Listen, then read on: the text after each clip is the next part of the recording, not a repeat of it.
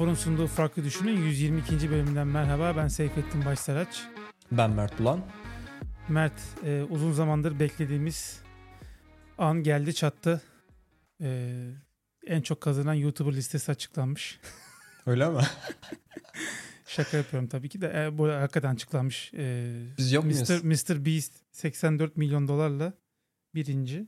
Bu arada yani Mr. Beast'i sen anlatmasan muhtemelen ya ben 5'teki hiçbirisini bilmiyor olacaktım. Sen Mr. Beast'i anlattığın için e, biliyorum Hı. ama hiç videosunu seyretmedim bu arada. E, bu da böyle şey değil yani çok elitim falan diye takıldığımdan dolayı değil de. Ben de iki kere falan seyrettim bıraktım sonra çünkü hep aynı. Ha, yani YouTuber dediğin adamın ürettiği içerik genel olarak şey olduğu için özellikle çok kazanan YouTuber'ların saçma sapan vloglar ve e, clickbait içerikler olduğu için e, çok ilgimi çekmedi ama 84 milyon dolar da iyi para yıllık. Yani Sponsorlardan muhtemelen çok daha fazla kazanıyordur diye Bu sadece. YouTube'dan kazandığı para. Hmm. Sponsorları falan saymıyorum. Ee, Jake Paul falan vardı. Onu da Vine'dan biliyorum. Ee, Ondan sonra takip etmeyi bıraktım. Onda bayağı skandalları falan oldu sanırım. Neyse öyle bir girizgah yapayım dedim. Ee, millet iyi para kazanıyor YouTube'dan. Ama e, Türkiye'de bildiğim kadarıyla gelirler çok düşük. Yani bizim bile YouTube gelirimiz şu an e, birbirimize hamburger ısmarlayamayız yani. hani bir hamburgeri bölüşebiliriz belki falan gibi Aynen. bir durum var. Ee, maalesef Türkiye'deki reklam gelirleri çok düşük. Ee, ama şikayetçi de değiliz zaten reklam içinde yapmıyoruz. Diyelim ve e, aslında son iki hafta hatta biz işte cuma kaydettiğimiz için iki buçuk hafta falan oldu. Ee, bir e, iki buçuk haftanın özetine geçelim. Sende birkaç tane olay var. Bir tanesi e, şirketin de bir benefiti olduğundan dolayı spora başladın. Spor derken ne yapıyorsun? Bir şeyler mi kaldırıp indiriyorsun? Yok ya ben bir şeyler kaldırıp indirmeyi çok sevmiyorum nedense. Böyle daha çok doğal sporları seviyorum. Yüzmeye başladım. Yüzme kursuna gittim Hmm. başladım. Ona da belki değinim çünkü bize hani Almanya'da falan dinleyenler de var. Belki başka ülkelerde de vardır. Türkiye'de yokmuş bu sistem. O yüzden e, çok bahsedemiyorum ama Urban Sports Club diye böyle reklam falan değil onu da söyleyeyim. E, şirketler böyle genelde işte çalışanlarına veriyorlar. Bu abonelik sayesinde bu e, anlaştıkları bütün böyle işte jimler oluyor, e, yüzme salonları oluyor, e, işte yoga kursları oluyor, işte bouldering vesaire gibi şeyler oluyor. Bunların hepsine gidebiliyorsun. O çok güzel çünkü Almanya'da abi şöyle bir sistem var yani inanılmaz bir abonelik sistemi var. Seni sürekli bir şeyler abone ediyorlar. Yıllık abone ediyorlar bir de seni. Bir de işte diyorlar ki 3 ay önceden haber vermen gerekiyor iptal etmen için falan böyle çok e, user friendly olmayan bir sistem var. O yüzden bu böyle bayağı tercih edilebilir oluyor. Güzel yani işte sen mesela evinin yanında bir tane gym var ona gidiyorsun. Sevmedin mesela. Başka bir gym'e de gidebiliyorsun. Çünkü oraya abone olman gerekmiyor. Sadece gidiyorsun bir tane Q- e, QR kodla check, check-in yapıyorsun. Taratıyorsun e, QR kodu telefonunla. O kadar. Onun da sana işte belirli bir limitleri oluyor. Diyor ki günde sadece bir tane check-in yapabilirsin. E, Bazı mekanlar da limitliyor. Diyor ki işte sen Urban Sports Club aboneliğin varsa sadece 4 kere gelebilirsin. Benim işte yüzme kursum mesela diyor ki sen ayda 4 kere gelebilirsin buraya diyor. Öyle limitler, check-in limitleri koyuyor bazı mekanlar. Bu mekanlarda işte her check-in başına para alıyor. Ee, Ben hesaplıyorum falan böyle yani her gün spora gitsen bayağı sistem zarar ediyor ama e, genelde bu spora başlayanlarda hep şey oluyor yani böyle yüksek bir meblağ parayı veriyorlar ve daha sonra hiç gitmiyorlar ya muhtemelen Hı hı. öyle çok fazla kullanıcı olduğu için sistem bir şekilde kendisini e, çalıştırıyor.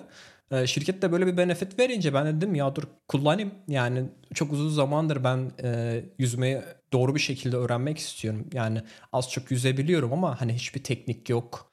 E, işte e, stilleri falan bilmiyorum. E, Antep Antep'te- deniz vardı da biz yüzmedik diyecekti. Evet. Aynen. Ama bu biraz da şeyle de bağlantılıymış. Ha ben onu da anladım. Hani sadece Antep'te yüzme değil de bu e, ben Alman arkadaşlara da bahsettim bunu. Onlar dediler ki işte Alman eğitim sisteminde e, yüzme de var dediler. Her e, okula giden çocuk yüzme de öğreniyor dediler. Hatta böyle farklı sınıfları da varmış. İşte gümüş varmış, altın falan varmış. E, bazıları hatta şeye kadar çıkabiliyormuş. Ben bizim şirketteki bir arkadaşla konuştum. O dedi lifeguard seviyesine, can kurtaran seviyesine çıkabiliyormuşsun. O, o, o seviyede böyle yüzme konusunda eğitim alabilirim. Sonunda hatta şey dedi o da çok ilgincime gitti. E, can kurtaran olunca parmak kırma gibi e, bazı teknikler de öğreniyormuşsun. Çünkü işte kurtardığın kişi panik olursa e, çünkü seni de e, boğabilir diye suda e, hemen parmağını kırıyormuşsun. Haliyle o kişi o acıya yöneliyor boğulmadan ziyade. O zaman da sen hop alıp çıkartıyormuşsun falan böyle. Ee, çok acayip şeyler duydum yani orada da. Ee, Bu arada hakikaten şey panikleyen, boğulacağım diye panikleyen Hı. insan e, adamı öldürür yani. Aynen o yüzden şey diyorlar. geldim ben. Aynen yani o seviyede şeyin yoksa hani e, can kurtaran seviyesinde eğitimin yoksa hiçbir şekilde e, kurtarmayı deneme dediler e, diyorlarmış yani hani o eğitimi falan verirlerken. Çünkü e, çok yani onun o da özel bir seviyeymiş. Her neyse e, ben de başladım işte cuma günleri bugün de gittim. E, ikinci e, kursum oldu. E, bayağı keyifli geçiyor öğreniyorum ama şeyi fark ettim ya kondisyon sıfır. bir git gel yapamıyorum yani havuzda. E, ama yavaş sağ olsun. Yavaş olur ama. Aynen hoca bayağı iyi. Ee, o da e, her şeyi açıklıyor böyle detaylı olarak falan. Zaten çok kalabalık da değil. 3-4 kişi falan var yani hani totalde hmm. kursta. O, ufak bir e, yüzme okulu. Eve de bayağı yakın aslında. Bayağı yürüyüş mesafesinde. E, ona başladım. O beni çok e, tatmin etti diyeyim. Hani genel anlamda. E, bir de şeye de başladım sürekli yürüyüş yapmaya başladım. Ben uyku sorunum bayağı artmaya başlamıştı. Uyku sorunumla birlikte ya hani acaba ne bu uyku sorunuma neden oluyor bir düşünürken işte sürekli evde oturmak, hareket etmemek işte biraz uyku sorununa neden oluyormuş. o da böyle bayağı bir benim uyku sorunumla çözüm getirdi diyebilirim. Hani bunda bahsediyorum. Belki benzer sıkıntılar yaşayanlar varsa onlar da deneyebilirler. Ben Sadece işte e, yemekten sonra gidip böyle 4 kilometre falan bir yürüyüş yapıyordum. Yani o yürüyüş bile benim hani uykumu tekrardan e, düzenli bir şekilde uyumama ya da işte daha rahat bir şekilde kolay bir şekilde uykuya dalmama e, fayda sağladı. E, şimdi onu artık şeye çevirdim, koşuya çevirdim. e, onun da bayağı bir etkisi oluyor artık hani nefesim daha uzun süre e, nasıl diyeyim tutabil tutma değil de yani hani nefes e, sıkıntısı yaşamıyorum uzun bir süre koştuktan sonra ama şeyi de görmek çok zevkliymiş ya ben onu fark ettim. Ve hep aynı yerde koştuğumdan ötürü önce bir belli bir mesafe koşabiliyorum hani hiç durmadan. Ee, daha sonraki gün hani daha da uzun koşabiliyorum. Daha sonraki gün baya böyle bir tur atabiliyorum. Daha sonraki hmm. gün iki tur atabiliyorum falan. O şeyi görmek de aslında hem muhtemelen endorfin falan da sağlıyor. Salgı, salgılıyor beynimde. Ee, bu başarı aslında hani e, şey olması. E, o, o açıdan da çok hoşuma gitti. Tabii Apple Watch'la birlikte bu, bu bütün aktiviteler biraz daha aslında nasıl bir sisteme girdi diyebilirim. Tamam, Apple Watch'a geçmeden önce aynen. E, bu Carl Jung'un e, psikolojide büyük bir isim biliyorsun Carl Jung. E, bir ekol sanırım Jung'un kendi ekolü var.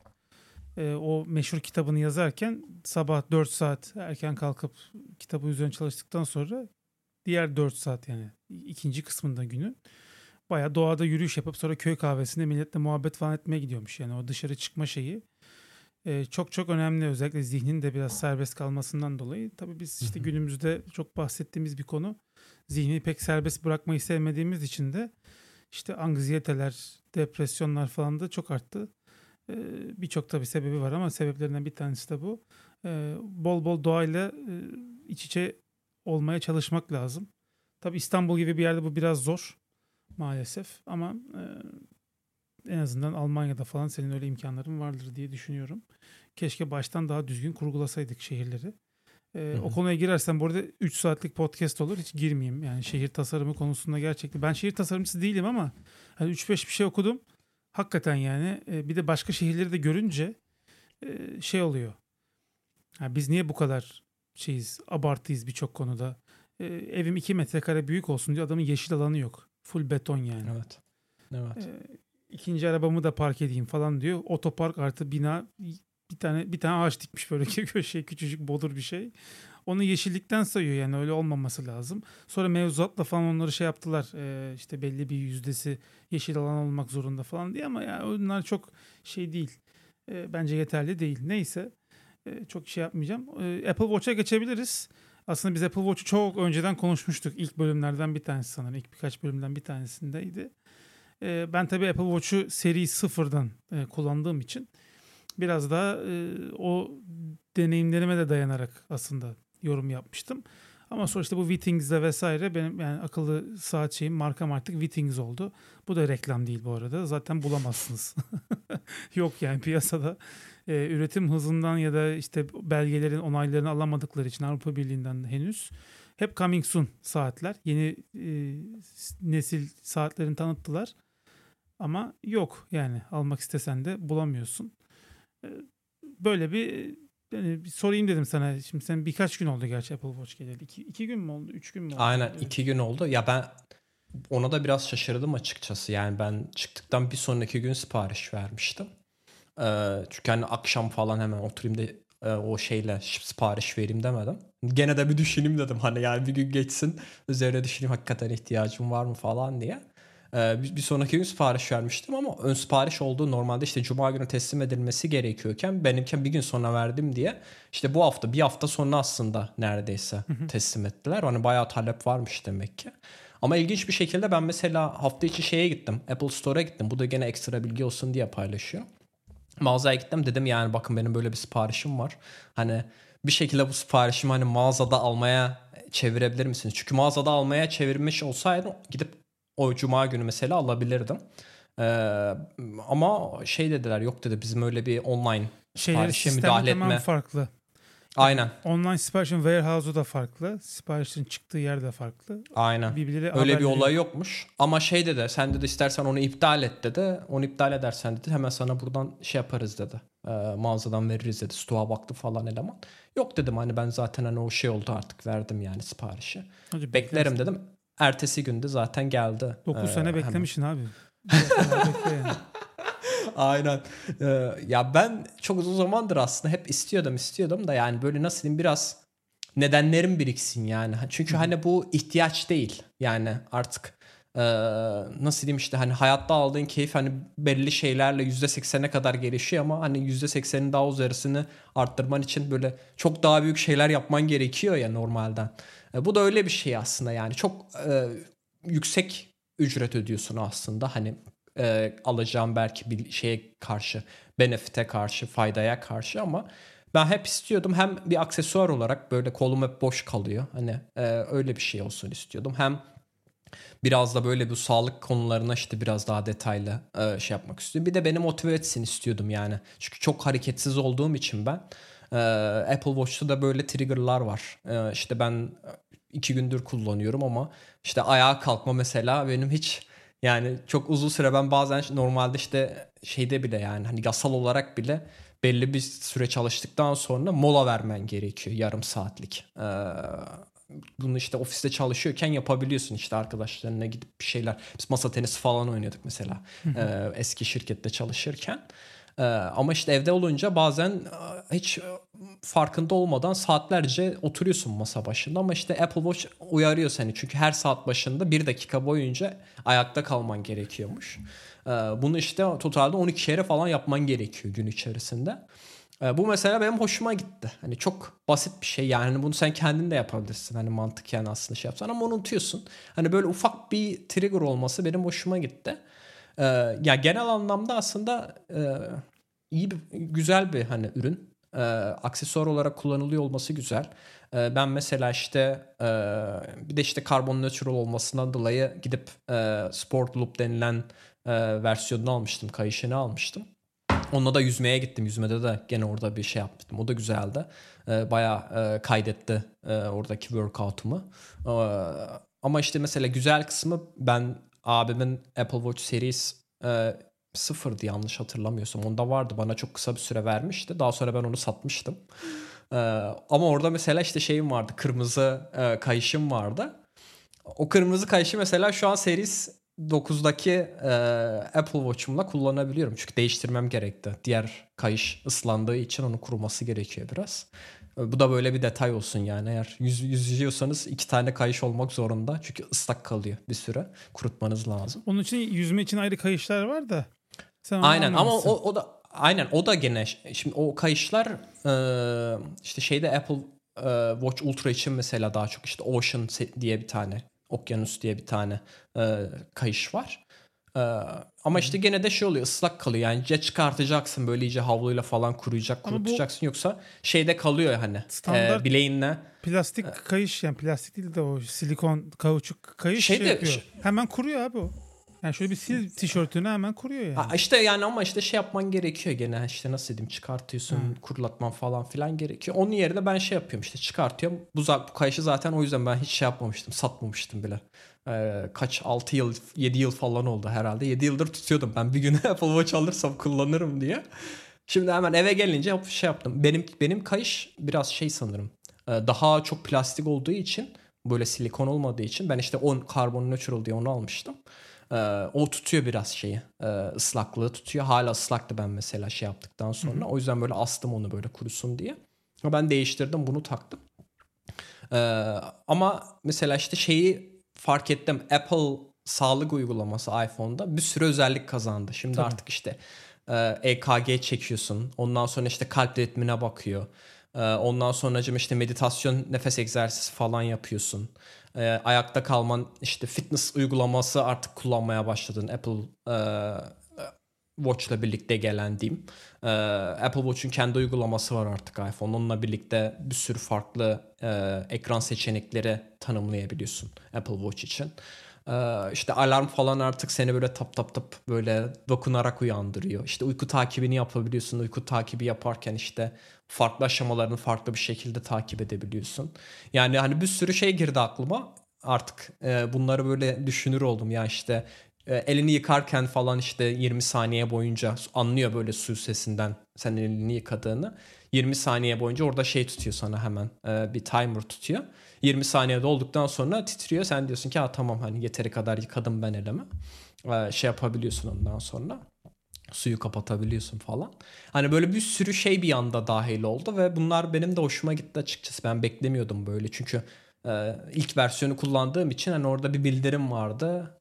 Başka da bir şeyi hatırlamıyorum yani. Hani böyle spor falan da yapmıyordum o zaman. Çok bir ekstrası yoktu ama şimdi hem işte spor yapıyorken işte hem yüzüyorken takip ediyorum. Bisiklet sürerken takip ediyorum falan. Bir de bu işte o ringler olduğu için e, o ringleri kapatmak için uğraşıyorsun. İşte bir e, ayakta durma işte 12 kere durman gerekiyor ya da işte 350 kalori yakman gerekiyor. E, bir de e- e, egzersiz yapman gerekiyor yarım saat en az e, gün içerisinde. Bu yürüyüş de olabiliyor, bisiklet sürme de olabiliyor, yüzme de olabiliyor. Yani bir sürü alternatifim var aslında. E, O anlamda yani bayağı nasıl diyeyim beni böyle biraz şey yaptı yani hani tatmin etti cihaz.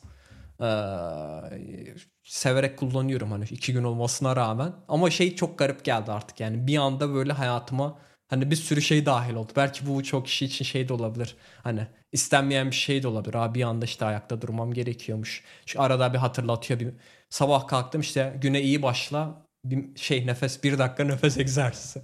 Evet. Hoş bir şey. Normalde hani yapmazsın ama işte hani o öyle o an denk gelince şey yapıyorsun. Şey de güzel. Yani bazı uygulamalar da güzel çalışıyor. Benim bisikletin e, kilidini mesela artık şeyden açıyorsun. E, Apple Watch'tan açıyorum hiç telefonla muhatap olmadan. Otomatik olarak workout'la başlatıyor. Cycling workout'u da başlatıyor. E, bilmiyorum yani. Beni tatmin etti cihaz. E, ama şey değil yani dediğim gibi hani e, iPhone gibi kesinlikle olması gereken bir cihaz değil. Ya da işte seni Wittings tatmin edebiliyor e, sahip olduğu özelliklerle. Ama ben işte genelde Apple ekosisteminde olduğum için her şey böyle nasıl diyeyim tamamlanmış oluyor. İşte bilgisayar Mac'i de artık Apple Watch'la açıyorsun. Şey yapmıyorsun hani şifre girmek ya da Touch ID kullanmana falan gerek kalmıyor. Ya bir sürü şey varmış aslında. Ben onu fark ettim. Bu kadar detaylı bilmiyordum yani Apple Watch'u. E, o yüzden yani e, tatmin oldum diyebilirim yani. Verdiği parayı biraz hak ediyor e, diyebilirim. Ya şeye çok şaşırdım. Alet çok ufak, çok hafifmiş. çok uzun bir süre kullanmadıktan sonra elime alınca ben dedim kutu, upuzun kutu geliyor. Ufacık şey çıkıyor içerisinde. Hani kaplo daha büyük yani hani totaldeki yani hacim olarak baktığında e, cihazdan. E, pil, pil konusunda bir sıkıntı yaşamadım açıkçası. E, çünkü işte 10 dakika 15 dakika falan böyle bir duşa girsen gün içerisinde duşa girerken de Apple Watch'u takmasan o 10-15 dakikada çok iyi şarj ediyor yani %24 falan da mesela ben bugün duşa girmeden önce şar- duştan çıkınca %83'e falan gelmişti yani. 10-15 dakikada. Ee, pili de şarj ediyor. Ee, o yüzden yani hani e, senin tabi argümanın orada daha farklı hani pil süresi kısmında. Ama orada da bir şey olduğumu e, bir sıkıntı yaşadığımı düşünmüyorum. Genel anlamda mutluyum yani cihazdan. Ya, ben de bu arada ee, Apple Watch ilk aldığımda bir hafta senin gibi. Bütün izlenimlerim aynıydı. O yüzden 3 ay sonra tekrar konuşalım diyelim. Aynen. Bir noktadan sonra çünkü o halkaları falan salıyorsun. Ya ben en azından öyle Doğru. yani. E, fitness, fitness şey workout açmıyorsun. Otomatik kendisi detect ederse ediyor falan. E, o bir noktadan sonra şeye dönüyor yani. Ulan ben bunu niye her gün şarj ediyorum'a dönüyor. Ki zaten hmm. Apple'da fark, farkındaysan bütün eventlerde hayatını kurtardığımız insanlar, insanların hayatını kurtarıyoruz. İşte sağlık, fitness bilmem ne bunlardan pazarlama stratejisini yürütüyor. Yani app'ler map'ler var da abi yani işte. Ya onu ben de sordum. Bizim Telegram grubunda da sordum yani hani kullandığınız hani e, Apple Watch'a özel bir uygulama var mı diye. Yok genelde böyle nasıl diyeyim atıyorum Spotify var. Spotify'ın uygulaması var. Onu kullanıyorsun. Ya da işte benim bisikletin uygulaması var onu kullanıyorlar da böyle Apple Watch'a öz, özel bir şey ben denk gelmedim açıkçası. Şöyle yani, mesela işte hani e, şeyde olup da e, iPhone'da olup da o bilgiyi sana direkt bileğini kaldığında verebilecek yani watch complication şeklinde verebilecek işler mesela olabilir. Bunları en çok kullananlar özellikle namaz kılanlar için namaz vakitleri oluyor. Namaz vakitlerinin hmm. complication'ını kuruyor şeye, app'ini. Hmm. Orada bir sonraki vakti mesela görüyor kaldırdığı gibi konu. Hani böyle birkaç tane hani e, quality of life mi diyeyim yani öyle bir birkaç tane böyle şey var. Hayat kalitesini ufak iyileştiren app'ler var ama onun dışında yani hakikaten bunda böyle app çalıştım. Bir ara Instagram falan vardı scroll ediyordun yani onları hatırlıyor musun? Twitter vardı. Ya ben biraz orada şaşırdım kaydıra, kaydıra Twitter ben geziyordun. Bu alana biraz odaklanabilirim belki. Yani belki ondan da konuşuruz. Ben gene bir tane daha iPhone uygulaması yazmaya başladım. Çok keyif alıyorum iPhone uygulaması yazmaktan. yani e, her, herhalde yani şu ana kadar karşılaştığım bütün nasıl diyeyim arayüz geliştirme e, şeyleri arasında en keyif aldığım muhtemelen iPhone arayüzü geliştirmek.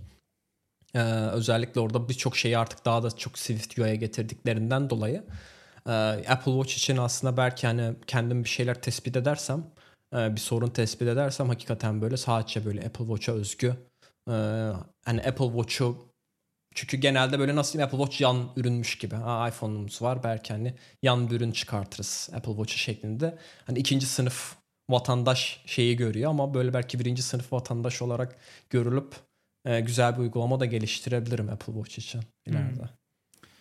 Bakalım. Ee, bana zaten söylemiyorsun böyle projeleri o yüzden e, çıkınca. ya ben çünkü şeyi seviyorum abi. Sen çünkü ee, ben takıldığımda genelde sana soruyorum. Seyfettin bak şurada şunu çözemedim diye. Ondan sonra sağ olsun sağ olasın sen hemen pair programming yapıyoruz. Hallediyoruz sorunu çıkıyoruz ama bu sefer bayağı iyi gidiyor yani uygulama. Onu da belki zamanı gelince duyururum. Ee, ya çok ben şey yapıyorum mesela hafta sonları cumartesi günleri genelde şey yapıyorum. Sabah kalkınca oturuyorum böyle 3 saat falan yani 2 saat 3 saat falan böyle öğlene kadar falan çalışıyorum o kadar. Ve nasıl diyeyim böyle çalışma değil de daha çok bir hobimi gerçekleştiriyormuşum. Ya da işte çünkü yani iOS'e uygulama geliştirmek böyle nasıl diyeyim daha böyle teknikten ziyade böyle hani kodlamadan ziyade böyle zanaatmış gibi geliyor bana. Bilmiyorum o katılır mısın ama yani çünkü orada bir sürü detayı düşünüyorsun. Yani oradaki işte bir gün oturuyorum mesela sadece animasyon orada bir tane sheet açılacak. İşte sheet'in farklı e, yükseklikleri var o yüksekliklere göre hani farklı animasyonlar yapayım falan diyorsun. İşte orada hani ease in ease out falan animasyonu ekleyeyim. Bir günün mesela öyle geçirebiliyorsun sadece. Hani hı hı. o açıdan ben çok keyif alıyorum iPhone uygulaması geliştirme. Yani bazen de düşünüyorum keşke iPhone olarak hani iPhone developer iOS developer olarak başlasaymışım diye. Gerçi ben başlasaydım o zaman ben de çok sıkıntı çekerdim ama yani isterdim açıkçası şu an yani full time bir iOS developer olmayı. Evet, yani cefasını biz çektik sefasını siz sürüyorsunuz bir durum var şu an. yani Xcode'un yani, falan geldiği nokta çok acayip yani Xcode'da. Hiçbir şey yoktu ya. Dutluktu yani ya, Xcode. Ya hala da iyileştiriyorlar. Ben mesela işte en son Xcode'u kurdum. Ee, orada bile mesela önceden hani e, archive ediyorsun ya arşivliyorsun ya uygulamayı publish etmek için App Store'a gönder. Bir sürü böyle hani next next next next yaptığın ekranlar vardı. Şimdi tek ekran basıyorsun. Otomatik kod signing geldi çünkü. Aynen yenisini falan yapmışlar. Ya ben ama benim en çok beğendiğim şey anında görüyorsun ya böyle neredeyse hani telefonda çalışan uygulama kalitesinde görüyorsun orada. Bazı Swift UI API'ler olmayabiliyor. Swift UI için söylüyorum aynen. Ya ben şu an mesela şöyle söyleyeyim ben uygulamayı yazdım. Uygulamanın birçok fonksiyonelliği tamam. İşte böyle polishing bazı yerleri iyileştirmem gerekiyor ama hani totalde bak uygulamanın kendisi şu an sadece 250 satır. Yani hani bu bence inanılmaz bir şey. Bunu ben mesela işte React Native'de yazsam zaten hani ne bileyim package.json dosyası zaten hani 1000 satır 10 bin satır falan bir şey olacak sadece değil mi? Hani onu da düşününce aslında tabii hani e, Apple'ın da kendi kütüphane falan var ama hani günün sonunda hani senin reponda Apple'ın olan kendi kütüphane sayısı sisteme entegre olduğu için onlar paket size'ını etkilemez. aynen e, hani totalde hani o kadar kod yazıyor olmak ve hani kodun çok elegant bir şekilde gözüküyor olması yani benim çok hoşuma gidiyor. Yani böyle baktığın an anlayabiliyorsun ya. 3 satırda hani çok güzel bir yay ortaya çıkartabiliyorsun. Baya bir magic varmış gibi orada geliyor. Ben biliyorum belki hani Rails developer olmamdan kaynaklı hani böyle ufak şeyler yaparak çok büyük şeyler elde edebiliyor, sonuçlara ulaşabiliyor olman. Swift UI özelliğinde tabii ki dediklerimin hepsi. Ee, çok çok keyifli yani ben gerçekten isterdim ama bazen imreniyorum yani keşke e, iOS developer olsam Swift UI ama şey hep böyle son versiyonu ürün geliştiren. Böyle backward compatible uygulama sıkıntısı olmayan. Hani iOS 14'te falan uğraştırmayayım, uğraşmayayım ben. Hani yeni uygulama da mesela öyle. Baştan söyleyeyim yani. Hani herkes iOS kullanmak isteyenler varsa tabii iOS 17'ye e, update etsinler. Çünkü bir tek onu destekleyecek uygulama. Ya burada adoption rate çok iyi yani. Eskiden daha da şeydi, düşüktü ama şimdi yeni versiyon çıktı mı hemen hemen hemen herkes yani %80 %90 en azından e, ilk bir ay içerisinde güncelliyor. E, Android gibi bir durum yok yani. E, React Native ile ilgili artık zaten yeterince konuştuk. React Native ile ilgili yorum yapmayacağım. Değişik de bir tarikat zaten kendileri. Bir şey söyle. yani hala da mesela Instagram'ın React Native'de yazıldığını düşünen e, üyeleri var. E, yani yani Ya- React Native'in sitesinde Instagram yazıyor da Instagram uygulamasının %99'u native yani. Hani %1 o. Her, yardım sayfalarını falan settings'in bir kısmını falan React Native yazmışlar. O da bu arada ya ondan da hakikaten bahsedeyim. Bak girecektim. Ee, yani bizim konularımızın listesinde yok ama geçenlerde Gir abi. ben, ben update'leri manual yapıyorum. Hatta işte telefonumda hala Twitter var. X yok yani. Ee, onu yaparken, e, update'leri yaparken size'larına da bakıyorum. Çünkü biz eskiden yani internet hızları da çok 3G falan vardı. işte 4G yoktu. Hani uygulama yaparken diyorduk ki lan 8 megabaytı geçmesin, 10 megabaytı geçmesin. Sonra çok şey olur, zor olur indirmesi falan. Ve yapıyorduk yani bir şekilde. Hatta ben mesela böyle bazen kafayı kırıyordum, şey yapıyordum. Paint Code diye bir uygulama var. Vektörel görseli veriyorsun. Sana aşağıda Core Graphics Drawing kodunu veriyor. Çizim kodunu veriyor. Hmm. E ne yapıyorsun bu sefer? Birkaç byte, birkaç e, belki bir kilobayttan düşük bir alanda istediğin ikonu çizdirebiliyorsun. Ve e, CPU'dan çiziyor. Yani Core Graphics biraz CPU bound'tur. E, CPU'da çiziyor. ikonu öyle gösteriyor. Bir kere zaten hani çok keskin oluyor. Çünkü niye? Tam senin verdiğin boyutlara göre çiziyor. Hem de e, aset tutmuyorsun içeride. O zaman ne oluyor? Uygulama iniyor 6 MB'a, 5.5 MB'a falan. E çok fazla dependency de kullanmamaya gayret ediyorsun. E, geçen LinkedIn'i işte güncelliyordum. LinkedIn'in uygulaması kaç megabayt tahmin et. Yani LinkedIn dediğin şey yani ne olabilir falan Yani diyorsun. 200'den fazla olamaz herhalde. 480 megabayt falan e, LinkedIn'in uygulaması. Yani. Uf. Yani e, 480 megabaytta ben Elder Scrolls Morrowind oynadım. Hani 2001 yılıydı ama en azından oyundu yani. Böyle bayağı 100 saat falan oynadığım bir oyundu içinde içerik dolu. E, ya- Abi ne yazmışlar bu kadar? İşte ne, abi şimdi şöyle oluyor. Neden olduğunu da ben sana söyleyeyim. Marketing departmanları var. Ve marketing departmanı içerisinde farklı Hmm. birimler var. Biri diyor ki bilmem neyi ölçelim. Şu tool'u kullanalım. Birisi diyor ki bilmem neyi ölçelim. Mesela daily user, active user'ı ölçen dört tane falan framework oluyor içeride. Hmm. Hepsini entegre ediyorsun. Bir de onların da dependency'leri var. Onlar da mesela SDK yazarken adam hafif bir SDK olsun da yazmıyor ki. Bir sürü kütüphane dependent oluyor. E, ne oluyor? Bir sürü şey import ediyorsun. Ya da mesela şeyi falan çok şey yapıyorlar. Biraz hani developer acemiliği diyeyim. E, Framework'ın sadece küçük bir kısmını kullanacak. Bütün framework'ü import ediyor. Hmm. E, Böyle durumlar da var. Ya bu yani işte Google Ads'in falan mesela framework'leri hem çok kötüdür. Yani hakikaten SDK olarak berbattır. Crash sebepleri falan hep Google'ın framework'leri oluyor. Bilerek yapıyorlar muhtemelen bu arada. Yani rakip platform diye. Ben artık öyle olduğuna ikna oldum yani. E, Bilerek yapıyorlar gibi geliyor. SDK'ları falan çok kötü.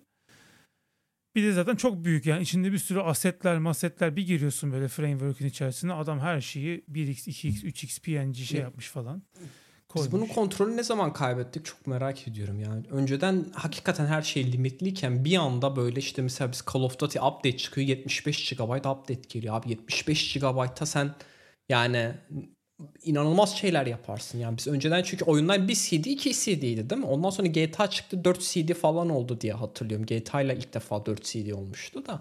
Yani bir, bir süre sonra mesela uygulamalarda da koptu gitti yani. Hani aldı başını gitti Abi oyunlarda şey. Şöyle oyunlarda yer kaplayan şey asettir. Şimdi Call of Duty 4K texture kullandığı için bildiğim böyle 4096'ya 4096'lık ne bileyim mermer deseni var tamam mı oyunun içerisinde. Bu oyunun bir yerinde bir mermeri boyamak için o mermer deseninin 80 farklı varyantı var. E ne oluyor abi gitti 100 megabayt gitti işte yani. E sadece mermer mi çizeceksin? Tahtası var, odunu var, duvarı var, yer var, çakıl taşı Hmm. var, denizi var bilmem ne deyince zaten al sana 150 GB'lık oyun yani. hani 4K mesela hatta şöyle bir şey oluyor. Biraz oyuna gireceğiz belki ama Xbox Series S versiyonu ile X versiyonu arasında çok ciddi şey fark olabiliyor. Çünkü Series S mesela 1080p render ediyor oyunu. Hmm. Adam diyor ki ben niye buna 4K texture koyayım? Size'ını büyüteyim. Bazı duyarlı developerlar mesela diyor ki Series S'te 20 GB oyun, Series X'te Hmm. 80 GB diyor. Hmm. Niye? Çünkü arada 4K texture farkı var. Ötekiler daha düşük boyutta olduğu için bir anda oradan e, şey kazanabiliyorsun. Ama haklısın ben de eleştiriyorum yani. Call of Duty bir update çıkıyor. Bugün oynayamayacağız herhalde falan diyoruz. Ve eskiden bütün oyunu baştan indirtiyordu. Şimdi Delta update'ler geldi. Yine 30 GB falan indiriyorsun. Hmm. Eskiden 150 GB'ı bir daha indirtiyordu. Ve bunun bu arada yani milyonlarca Call of Duty oyuncusu olduğu için bunun serverlara olan e, Maliyeti. elektrik tüketimi bilmem neyi falan hesaplarsan aslında yani sorumsuz da bir davranış baktığınız zaman. Tabii. Tabii. Ya bu şeyin Ya. yani ucunun kopması olayı herhalde e, bu şey sistemleri çıktığı zaman e, ne deniyor buna? Package manager'lar var ya. İşte Ruby Hmm. Gems mesela bunlardan bir tanesi. Bence Ruby Gems bu işi zaten başlattı. Ruby Gems o kadar kolay paket kurmanı sağlıyordu ki işte iOS'te de Coca Pods Ruby Gems'ten modellediler. Çıkarttılar. E, şeyde NPM var zaten JavaScript'te. E, yani bir, bir şey küçücük bir şey kuracaksın böyle basit bir plugin böyle 850 tane paket kuruyor yani. E, o da o da dependency hell yani orası da. E ondan sonra işte büyüdü paketler yani. Adam diyor ki abi takvim şey, date, date hesaplayacağım diyor. Apple'ın var aslında date hesaplama formatı. Bilmiyor onu. Gidiyor date Hmm. tools'u kuruyor mesela. Date tools'un da içerisinde Ermenice'den tut Zvahili diline kadar localization var. E onları da kuruyor. E, o oldu sana büyüdü kocaman şey. Doğru. E, böyle yani böyle şeyler. E, Ben şeye de baktığımda mesela çünkü ben çok kullanıyorum özellikle işte iPhone uygulama geliştirirken sürekli aratıyorum şu nasıl yapılır bu nasıl yapılır diye. Ya bazen görüyorum Stack Overflow'daki cevaplarda şey diyorlar işte git şu paketi kullan. Ben de mesela şey konusunda uygulama geliştirme konusunda çok muhafazakarımdır. Yani kolay kolay eklemem ben herhangi bir paketi. Çünkü hem bilmediğim bir şey e, olmasından dolayı çünkü hakikaten bilmiyorsun ne olduğunu, ne yapabileceğini ya da ne tarz sorunlar çıkartabileceğini. Eğer böyle çok çok bilindik bir şey değilse yani çok basit şeyler için ya diyorum ben kendim yazarım zaten hani backend sen yazarsın. Bunda da genelde ben de şeye bakıyorum yani e, şeyi kullanıyor olma nedenim de o aslında iOS 17'ye geliştiriyor olma nedenim. Çünkü Apple bakıyorsun adam diyor ki şu şu şu paketi kullan diyor şundan yapabilirsin. E bakıyorsun iOS 17'de Apple getirmiş zaten abi yani Hmm. hani o şeyi. E, ondan sonra kullanmıyorsun. Bu marketing tool'larını e- ekleme şeyin de ben e, belki ona da biraz yavaştan gireyim. Bi- Bizim e, uygulamamız var benim yeni çalıştığım şirkette. E, orada Turbo Native kullanıyoruz. Yani böyle nasıl diyeyim ilallah ettiren beni bir tool. Çünkü şöyle bir şey sen tabii o sorunları çok daha iyi biliyorsundur. Turbo Native abi e, WebView içerisinde sana normal e, bir web sitesi render eden bir e, Rails camiasından çıkmış. Daha çok işte DHH'in Basecamp'den çıkmış. Onların kendi uygulamalarını geliştirirken Hey diye e-mail uygulamaları direndiler onlar kullandıkları. e, Objective-C Swift'le yazmaya. Dediler ki biz bunu Rails'la çözeriz dediler. Böyle bir şey çıktı ortaya.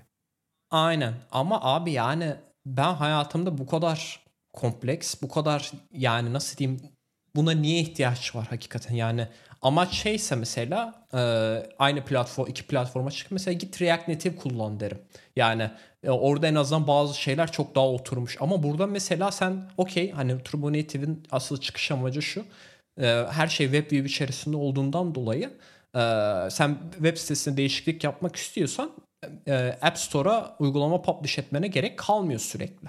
Sen sadece bir keresinde hani publish ediyorsun. Daha sonra sürekli içeriği değiştirebiliyorsun. İşte ne bileyim ana sayfada bir şeyler mi gö- göstereceksin? Backend'de değiştiriyorsun. Onu release ediyorsun. Bitti. Uygulama tekrardan yeni bir versiyon çıkmıyorsun. Okey güzel. Ama yani bu abiler hiç farkında mı değil bilmiyorum ama Apple e, özellikle web view'lar konusunda çok muhafazakar. Yani çok in, e, sert bir şekilde limitler uyguluyor WebView'da. Ve bu da şu demek oluyor. Sen mesela herhangi bir web view'u açıyorsun uygulamada ama Apple diyor ki belirli bir süre sen mesela gidiyorsun başka uygulamalar kullanıyorsun. Mesela açıyorum Twitter kullanıyorsun, Facebook'a giriyorsun, Instagram'a giriyorsun falan filan derken Apple iOS sistem diyor ki ulan memory usage artıyor. O zaman çat diye senin web view'unu öldürüyor.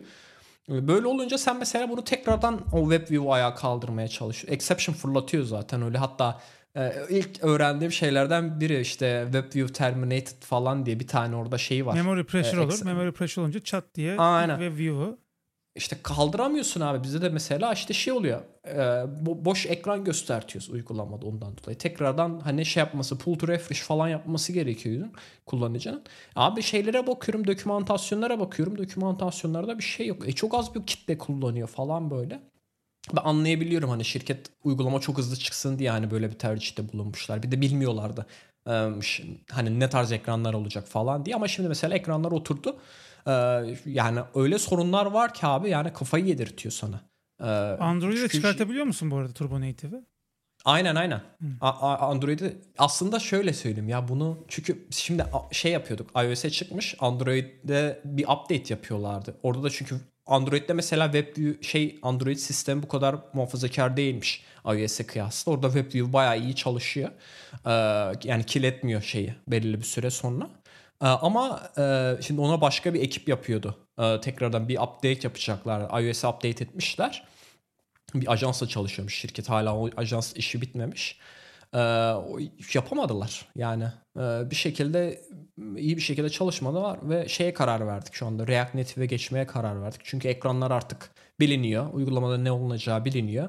Ee, ama şu anda işte ekipte şey olmadığı için e, benden başka developer olmadığı için ben de Android yazmaya çok yanaşmadığım için ee, ve bizim kullanıcıların %50 %50 çünkü Almanya'da e, şey yok böyle çok yüksek bir iOS kullanım olmadığı için iki uygu platforma da çıkmamız gerekiyor. O durumda en makul çözüm React Native olduğundan dolayı React Native'e e, geçmeye karar verdik. Hani Turbo Native'den bahsediyor olma nedenim de bu öyle saçma yani şeyler var ki çok yeni.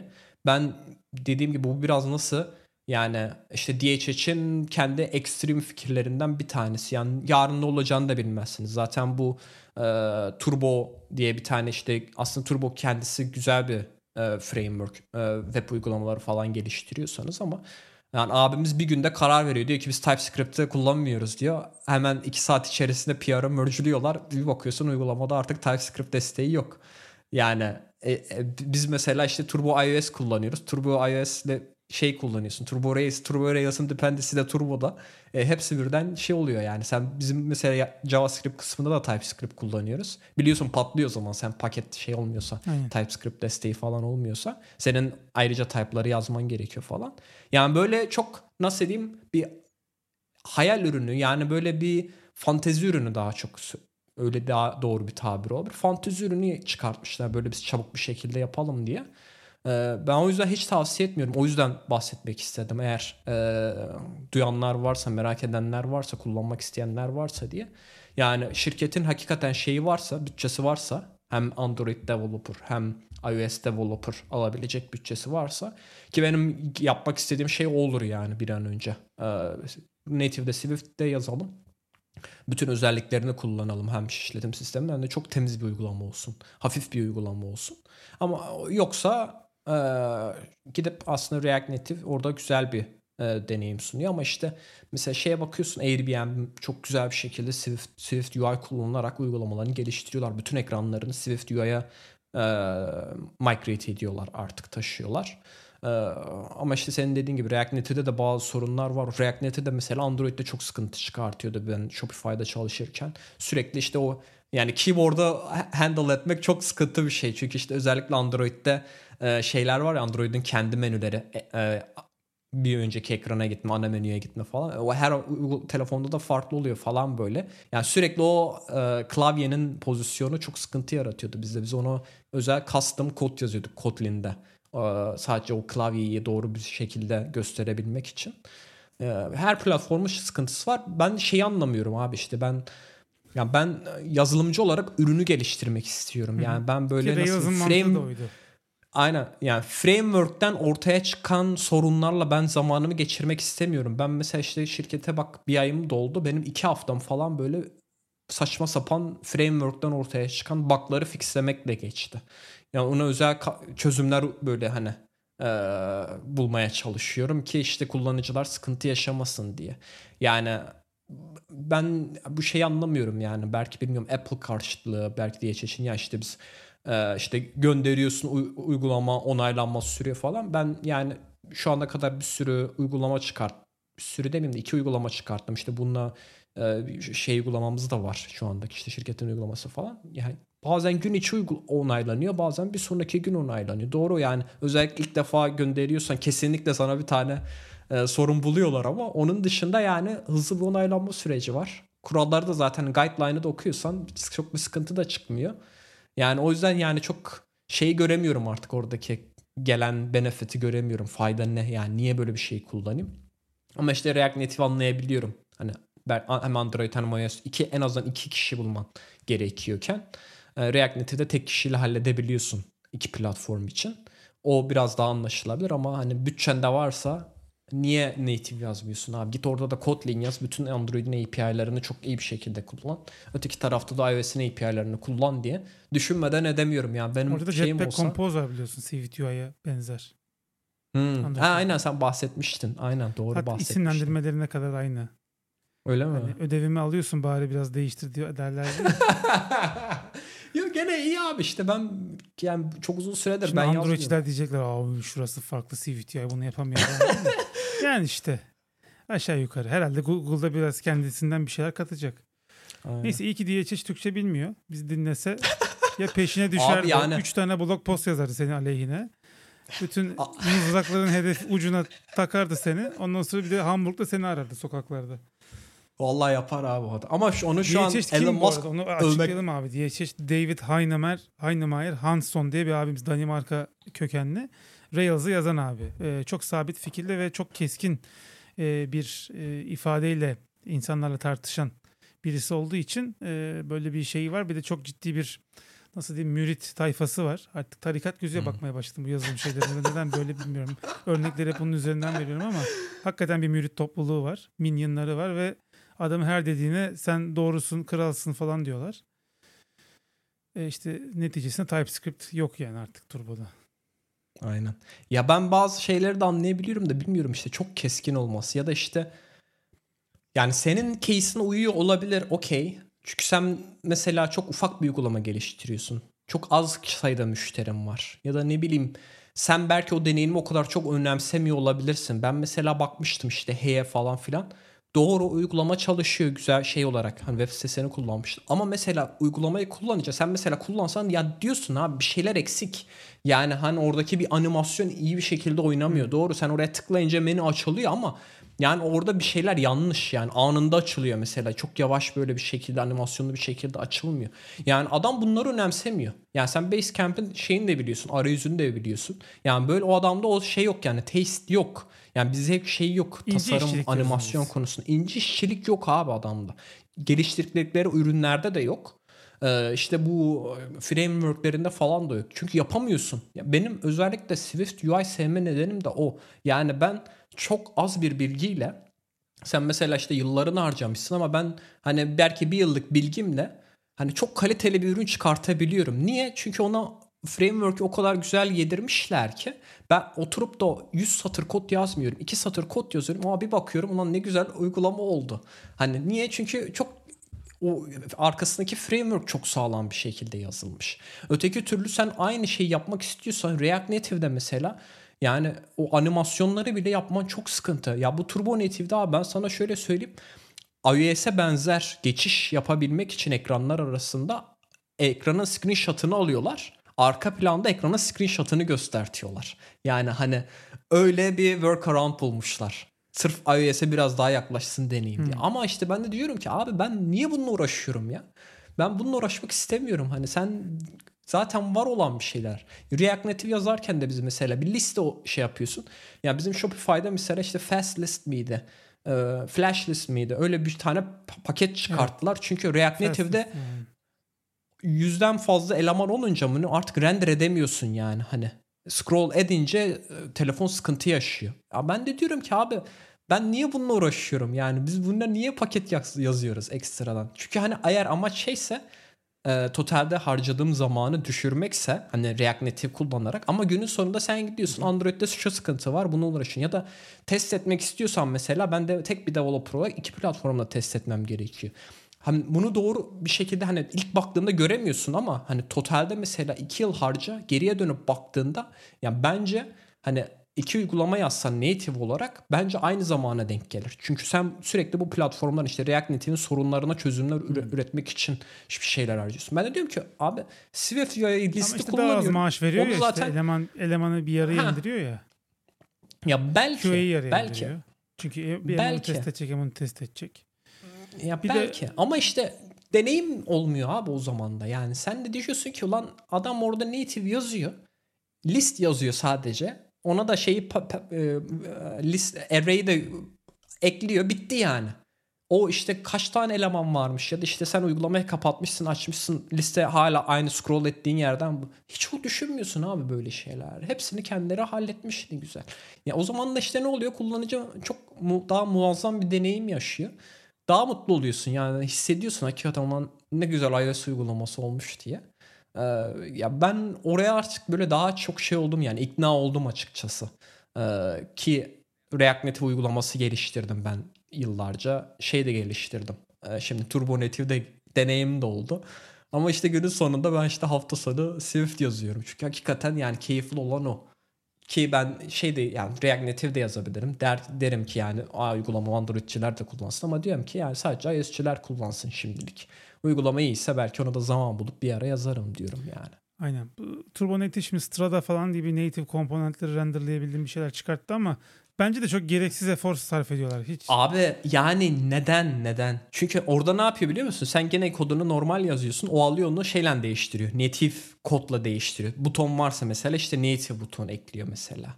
Ve mesela işte yani öyle şeylerle uğraşıyorsun ki ben geçtiğimiz hafta uğraştığım şey şuydu yani işte sen bir e, sheet açıyorsun. Sheet kapandıktan sonra arkadaki liste otomatik olarak refresh olsun. Ben mesela işte bunu yapamıyorsun. Niye? Gittim Swift yazdım. Mesela orada şeyler varmış. Delegate'ler var. Oradaki delegate ederek e, bazı e, şeyleri e, API callback'lerini hallettim. Ama işte ne oldu? Gene ben Swift yazdım. E abi hani asıl amaç şeydi ben Swift yazmayayım. HTML, CSS, JavaScript yazayım da e, olmuyor abi işte yani hani sürekli bir noktada tıkanıyorsun. Ee, o zaman da anlamıyorum yani ben bu nedenleri. Bir sürü sorunla geliyor, bir sürü şeyle uğraşıyorsun. Yani 37 Signals'da bu bizim daha önceden de bahsettiğimiz compassionate narcissism diye bir şey, mevzu var. Yani narsist bireyler her şeyin en iyisini ben bilirim. Senin için de en iyisine ben karar veririm kafasında oldukları hmm. için. Kitapları da mesela böyle. Şimdi evet kitaplarında güzel fikirler var mı? Var. Ama adam 37 Signals'da uygulanabilecek şeyler anlatıyor. Ya herkesin şirketi aynı değil, herkesin patronu aynı değil, herkesin çalıştığı ortam aynı değil, business aynı değil. Yani e, kimisi işte business to business satıyor, kimisi business to customer, B2B, B2C satıyor. Yani sen e, bir SaaS business olarak belki oradaki fikirler işe yarıyor olabilir ama businessların sadece çok küçük bir yüzdesi SaaS business. Geri kalanı başka işler. Yani oradaki her fikir remote da mesela office not required e, kitabı. Hı-hı. O da mesela bayağı bir insanı şey yaptı. Yani böyle şey gibi e, tek tek hakikat remote'muş gibi mesela bir davranış var. Bazı işlerde de hakikaten ofiste beraber çalışmak gerekiyor. Bu yazılım için söylemiyorum. Başka işlerde de. Ama sen bunu remote work'ün kitabı olarak satıyorsun. E, böyle bir kafa var yani. O yüzden de hep kendi yolumuzda yapalım, kendi bildiğimiz şekilde yapalıma gidiyorlar. Her zaman da tutmuyor. Ee, yani bu kadar şey uğraşacağınızı aktif admin'in arayüzlerinin CSS'ini bir yenileyin yani. Yıl oldu 2023. Yok biz aynen kullanmıyoruz. Onun yerine 1990 A- A- A- Avo diye başka bir şey varmış ücretli. Biz onu kullanıyoruz mesela kendi adminimiz için. Bak birisi mesela oradaki açığı bulup düzgün CSS yazıp çözmüş Aynen. işi parayla satıyor. Orada Tailwind kullanıyorlar. Ben seviyorum Tailwind. Monofor'un sitesi Ben Tailwind seviyorum. işte ben yazdım Monofor'un sitesini. Helal aynen. Güzel Ama anlamazsın. Tailwind olduğunu. Şeyden bakarsan anlarsın da paketlerden bakarsan anlarsın da CSS cluster'ın hiçbirisi Tailwind'in cluster'ı değil. Çünkü at apply Hı. diye bir neyse çok aman kod konuştuk ya. Vallahi baydım. Neyse e, aslında bir sonraki konu iOS 17 yazmıştık ama ne konuşacağız iOS 17 ile ilgili? Abi iOS 17'de gelen birkaç tane güzel özellik var. Ben belki onlara bahsederiz dedim. Bu mesela e, senin nefret edip kapattığın bir süre sonra olan özellik var. Ha, çok yakın abi. Yani bir şey okumam gerekiyor mesela adam bir şey yapmış yaklaştırıyorum telefonu biraz sonra diyor ki şey ya YouTube'dan bir şey söyleyeyim iPhone 14 Pro'nun ekranı uzaktan okunabilecek bir ekran değil ki. Ha, bilgisayarda falan belki bence daha iyi olurmuş gibi geldi. Bilgisayarda da Face ID yok. Yapamıyorlar Hmm. yani onu. ya aynen. Bilmiyorum benim özellik hoşuma gitti. Çünkü şeyi fark ettim ya. Çok yakın tutuyorum. Abi de arkadaki telefonu. diziyi durdurmuyor. Mesela bir şey seyrediyorsun. Video devam ediyor arkada. Ben o uyarıyı kapatana kadar yani uzaklaştırana kadar telefonu Ha, o, o, o gidiyor. Bir de geri sar tekrar. Uyuz oldum bir noktadan sonra. şey yapmıyor dur. Ha. Ya ben de ben bir şey seyretmediğim için belki telefonda onun çok şey yapmamış olabilirim. Ee, denk gelmemiş olabilirim ama ben onu fark ettim abi ya. Telefonu uzaklaş şimdi özellikten de çok kısa bahsedeyim yani telefonu çok yakın tutarsanız gözünüze e, ön kamera sayesinde algılıyor senin telefonu çok belki orada yakınlık sensörü falan Face olduğu kullanıyor. için. Aynen. Sen diyor çok yakından bakıyorsun. Telefonu uzaklaştırman ama telefonun uzaklığı da böyle kol e, uzaklığı kadar olması gerekiyor ve uzaktan bakman gerekiyor. Accessibility diyorsun Hani abi. şey Gözü çok görmeyen insanlar var. Yani ikisini beraber Abi kullanması işte ona da muhtemelen şey diyor yani. Font size arttır sen hani. Ha, Her onların uygulamada font size'ı respect ediyordu çünkü. ha. Ha. Git Turbo Native'de ona respect eden bir şey Yani yaz şimdi. mesela Dynamic Type var mı Turbo Native'de? Hiç zannetmiyorum. yani. Bilmiyorum ben de açıkçası. İşte düşünmüyorsun abi böyle şeyler ama ötekisinde zaten var. Yani otomatik olarak geliyor. Sen şey yapmıyorsun. Çok kafa yormuyorsun. Ee, başka hangi özellikler Dosya var? paylaşımı, kontak kart paylaşımı mevzusu. Aa aynen. Heh. İyi, onu da güzel hatırlattın. Ee, ben sırf onun için güzel bir tane fotoğraf da çektim. Ee, çünkü artık işte e, Seyfettin'i ararsam ben Seyfettin benim güzel fotoğrafımı görecek kendi şeyinde. Telefonun ekranında. Mert arıyor yazısından ziyade. Kendiniz böyle fotoğraf belli seçebiliyorsunuz.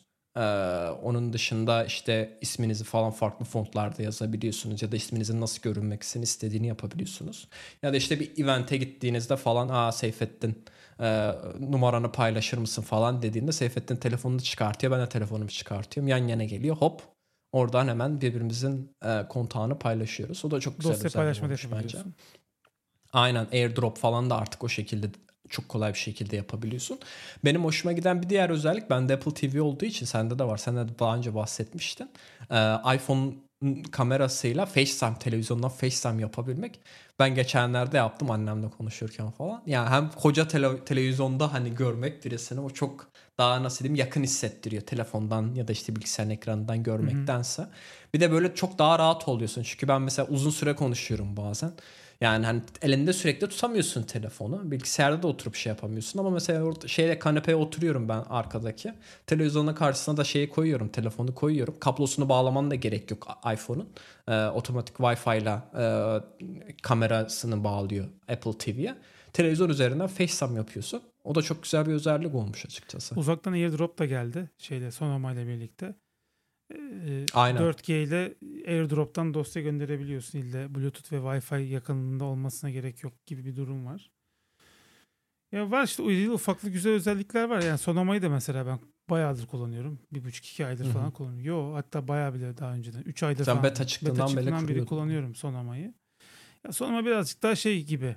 Ventura'nın hani Snow Leopard vardı ya Mountain Lion Ha, falan. Leopard sana. Aynen, sana- aynen. Bir, bir daha böyle rafine versiyonu çıkartıyorlardı bir sene sonra. Yine çok fazla özellik eklemiyorlardı.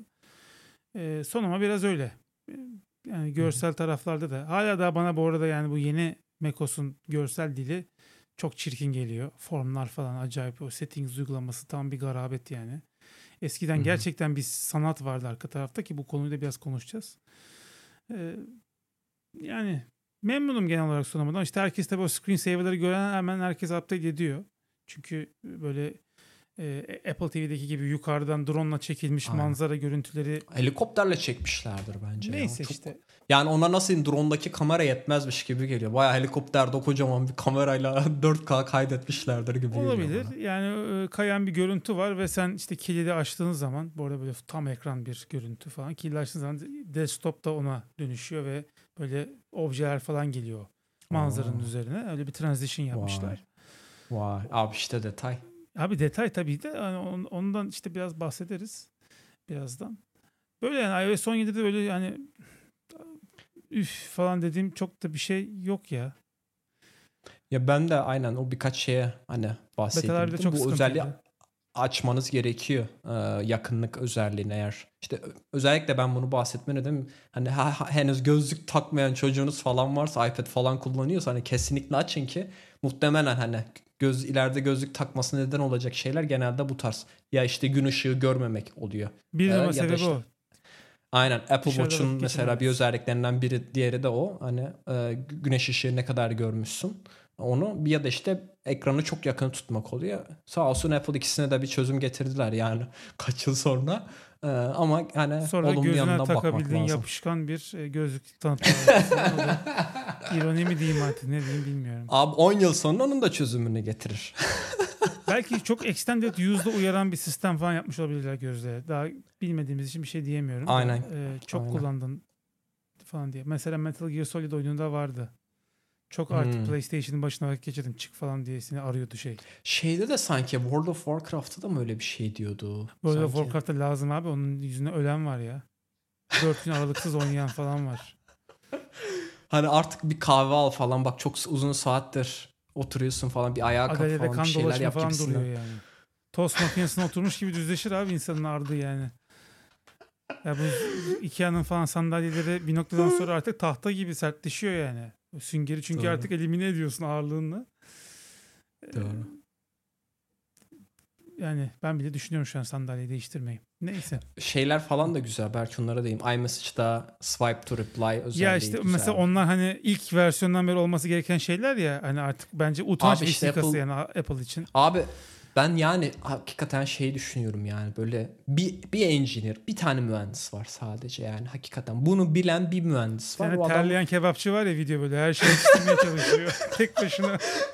Onun gibi. Olabilir. Aynen. Yani onu bekliyorlar. O adam işte başka işle uğraşıyor. Adam mesela. omuzlarından bile başka- terlemiş böyle böyle ter lekesi. E, es aynı. Havlu olur abi genelde onda da böyle sırtında. Adam her şeyi hazırlıyor. Dürüm yapıyor. Ocak başından şey çıkartıyor falan. Onun gibi bir durum olabilir evet. Ama getirdiler Apple sağ Music'te mesela animated covers geldi. Ee, animasyonu full aynen. ekran böyle gösteriyor. Yani görsel olarak mesela Spotify'dan daha iyi şu an. Ee. Mac'teki Apple Music'ten bahsetmiyorum. Şeydekinden bahsediyorum. iPhone'dakinden iPhone'daki. Apple Podcast uygulaması da biz dinleyenler varsa orada da çok güzel değişiklikler Bölüm- var. Ee, Evet işaretlemeyi artık yapabiliyoruz orada. iOS 17'yi güncellersiniz. Apple Podcast uygulamasında. Aynen. bölümler arası sağ altta bir tane liste butonu var. Ona basarsanız bölüm listesi geliyor. Kısımları atlayabiliyorsunuz ki bizim oyun konuştuğumuz kısımları atlayan bayağı bir insan varmış. Tahmin etmiştim ama Aynen. zaten öyle olduğunu. Çünkü herkesin seveceği bir konu değil.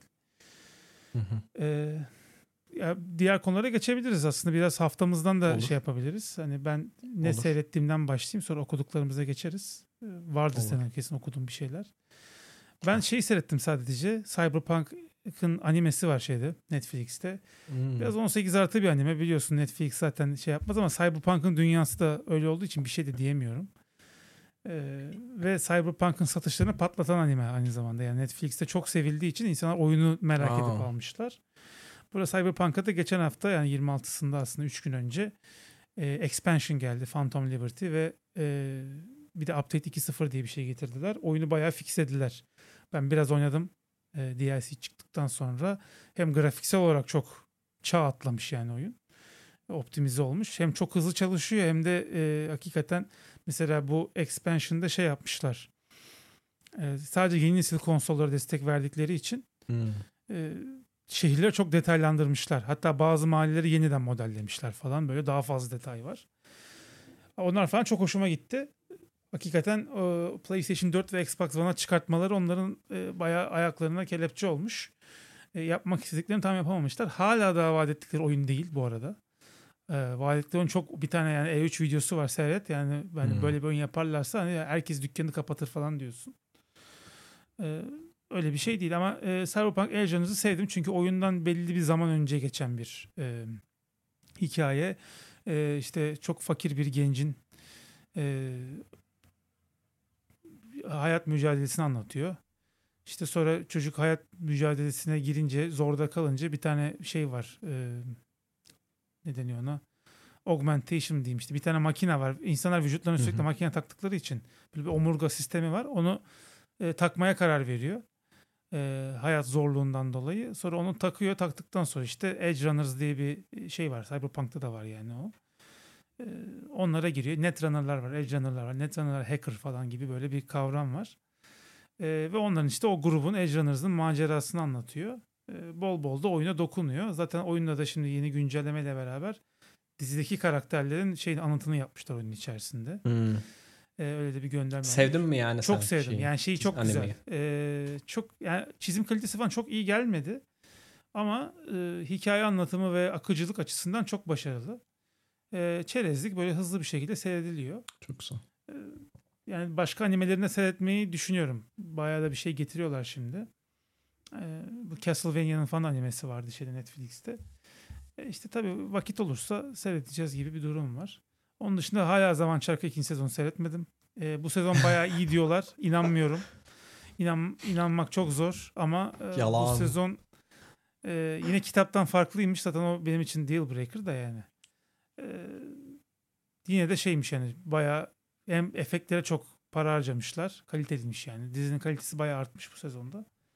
Bilmiyorum bir ara seyredeceğim işte bakalım vakit bulursam. Onun dışında öyle çok seyrettiğim bir şey olamadı maalesef. Ee, bunlarla sınırlı kaldı. Oyun çünkü bayağı oynadım. Starfield yine ciddi bir vakit alıyor. Oynamaya devam ediyorum. Ee, Xbox'ın uygulamasına bakarsam bu arada pause'lu sürelerle oyunun gösterdiği süre pause'lu kısımları saymıyormuş oyun. Oyun süresi Hmm. olarak sanırım 23-24 saat oldu şimdi benim. Maşallah. Ama Xbox'a bakarsam 40 saat falan diyor. Nasıl pause'da tutuyorsam artık oyunu. Ee, Abi sen ama yani pausa alıyorsun gidiyorsun çocukla oynuyorsun Tabii. uyutuyorsun bir şey yapıyorsun yemek sonra yiyorsun kapanıyor falan Xbox kendi kendine otomatik kapanıyor. Aynen.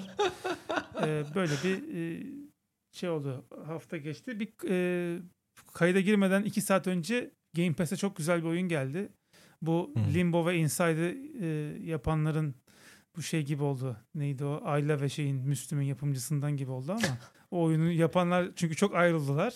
İşte Somerville falan gibi böyle bir sürü oyun çıktı. E, ama bu baş yapımcılarından yani oyunun. E, Cocoon diye bir tane oyun yaptı. E, Hmm. Çok da yüksekti yani review skorları. Ben çok review skorlarına bakmam ama bu kadar yüksek olunca zaten deneyecektim. Bugün saat 7'de 8'de falan Game Pass'e geldi. Geldiği gibi de indirdik. Çok da küçük de bir size'ı var. Çok hoşumuza gitti oyun. Böyle bir puzzle e, platformer gibi diyelim. E, görsel şeyler çok başarılı. Yani yansımalar falan çok iyi. Geçişler, bölüm geçişleri falan çok akıcı. E, hikaye anlatımı çok iyi. Level design çok başarılı falan. Yani biz ilk bir saat için söylüyorum. Onu da böyle araya sıkıştırayım. Tavsiye ederim. Yani çok fazla indie oyun geliyor Game Pass'e. Ben de böyle hemen hemen hepsini oynuyorum. Yani nasılsa bedava deyip. Çünkü indie oyunlarda hep farklı fikirler oluyor. En azından aa bak böyle Hı hı. bir mekanik denemiş. Bak burası olmamış, şurası olmamış diye. Sanki ileride game designer olacağım. Olacakmışım gibi böyle oyunları deneyip şey. İnşallah. Yani yemeklerin tadına bakıyor gibi söyleyeyim. Ee, böyle yani haftam boyunca kitaplara geçince okuduğum kitabı söylerim. Kitap okudum çünkü. Süper. Valla bende izleme kısmında çok fazla bir şey yok açıkçası. Ee, Morning Show yeni sezon başladı. Hmm. Ee, John Hamm miydi Evet, bizim abimiz Mad Men'deki? E, Çok keyifli ama yani o diğer abi adını unutuyorum hep CEO olan artık şeyin Hı hı. medyanın başına geçen. Ben de şimdi hatırlamadım da. Aynen.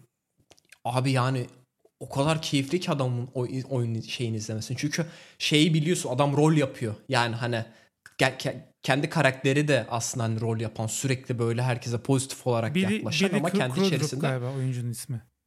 aynen kendi içerisinde sorunları olan hani bir insan olduğunu şey yapabiliyorsun izleyebiliyorsun ve onu oynayış şekli beni çok ca- böyle cezbediyor. Ee, çok iyi taşıyorlar. Yani ben açıkçası yani kadın oyuncular aslında başroller kendileri ama kadın oyunculardan ziyade sanki o adam taşıyormuş gibi geliyor bana Bunlar diziye. çok tehlikeli yorumlar Mert. Şu an sınırda geziyorsun. Aa, ya hayır ya ben açıkçası Şaka söyleyeyim yani çok fazla e, şey de göremedim yani. Ee, ne bileyim sanki da ekranda kalma süreleri de daha azmış gibi geldi bana açıkçası bu, bu sezonda. Ee, hani bu onlar iyi oyuncu değil de hani karakterleri aslında çok fazla ilerlemiyor gibi geldi bana. Abi dizinin Ee, böldüm ama yani dizinin senaryosu çok iyi. E, Hakikaten çok iyi bir senarist kadrosu var dizinin. E, diyaloglar özellikle konuşmalar hem çok gerçekçi hem de çok e, derin yani güzel e, güzel yazılmış. Böyle basit diyaloglar yok. E, oyunculuk kısmında şöyle katılıyorum. Yani Jennifer Aniston dediğin kadın burada Friends falan sevenler varsa beni linçleyebilirler. E, hiç e, Friends'i seyretmeye değer bile görmedim yani biraz baktım. E, Jennifer Aniston sadece Jennifer Aniston oynayabiliyor abi. Yani bir tane rol oynayabiliyor kadın. Kadının herhangi bir çeşitliliği yok. Yani o kadın en fazla romantik komedide falan oynar. Daha fazla işte yani Morning Show yine Jennifer Aniston oynuyor. Yani mimikleri falan hep aynı kadının. Reese Witherspoon birazcık orada daha farklı yani daha çeşitli oyunculuk göstermiş birisi ama onun da yani bence şeyi spektrumu biraz kısıtlı. Yani çok iyi çok farklı roller yapabilen kadın oyuncular varken e, tabii isimli olarak da büyükler. Bir de Morning Show çok uyuyorlar. Yani aslında doğru bir casting, yanlış bir casting değil. Sadece oyunculuk mesela Steve Carell dediğin adam Office'te ünlen yani çok ünlü oldu Office'te. Ondan önce 40 Year Old Virgin falan filan var ama ama adam sonradan işte Beautiful Boy'da falan oynadı. Çok ciddi şeylerde oynadı. E, filmlerde oynadı. Orada da çok iyi performanslar gösterdi. Adam sadece bir komedi Kesin. oyuncusu olmadığını e, gösterdi. Mesela Steve Carell'in oyunculuğu çok başarılı bence şeyde. E, onun duygu değişimleri de çok fazla oluyor. Yani senaryoda da bayağı bir cömert davranmış şeyler senaristler. E, yani o sapık yönetmen herif bile mesela çok acayip güzel oynuyordu. Bir tane sapık yönetmen var arada çıkıyor. E, o bile mesela çok çok iyiydi. O zaten CEO olan abimiz de e, bayağı başarılı. Çok seviyorum. Hatta diğer dizisi çok tutmamış onun. Hello Tomorrow mudur nedir o?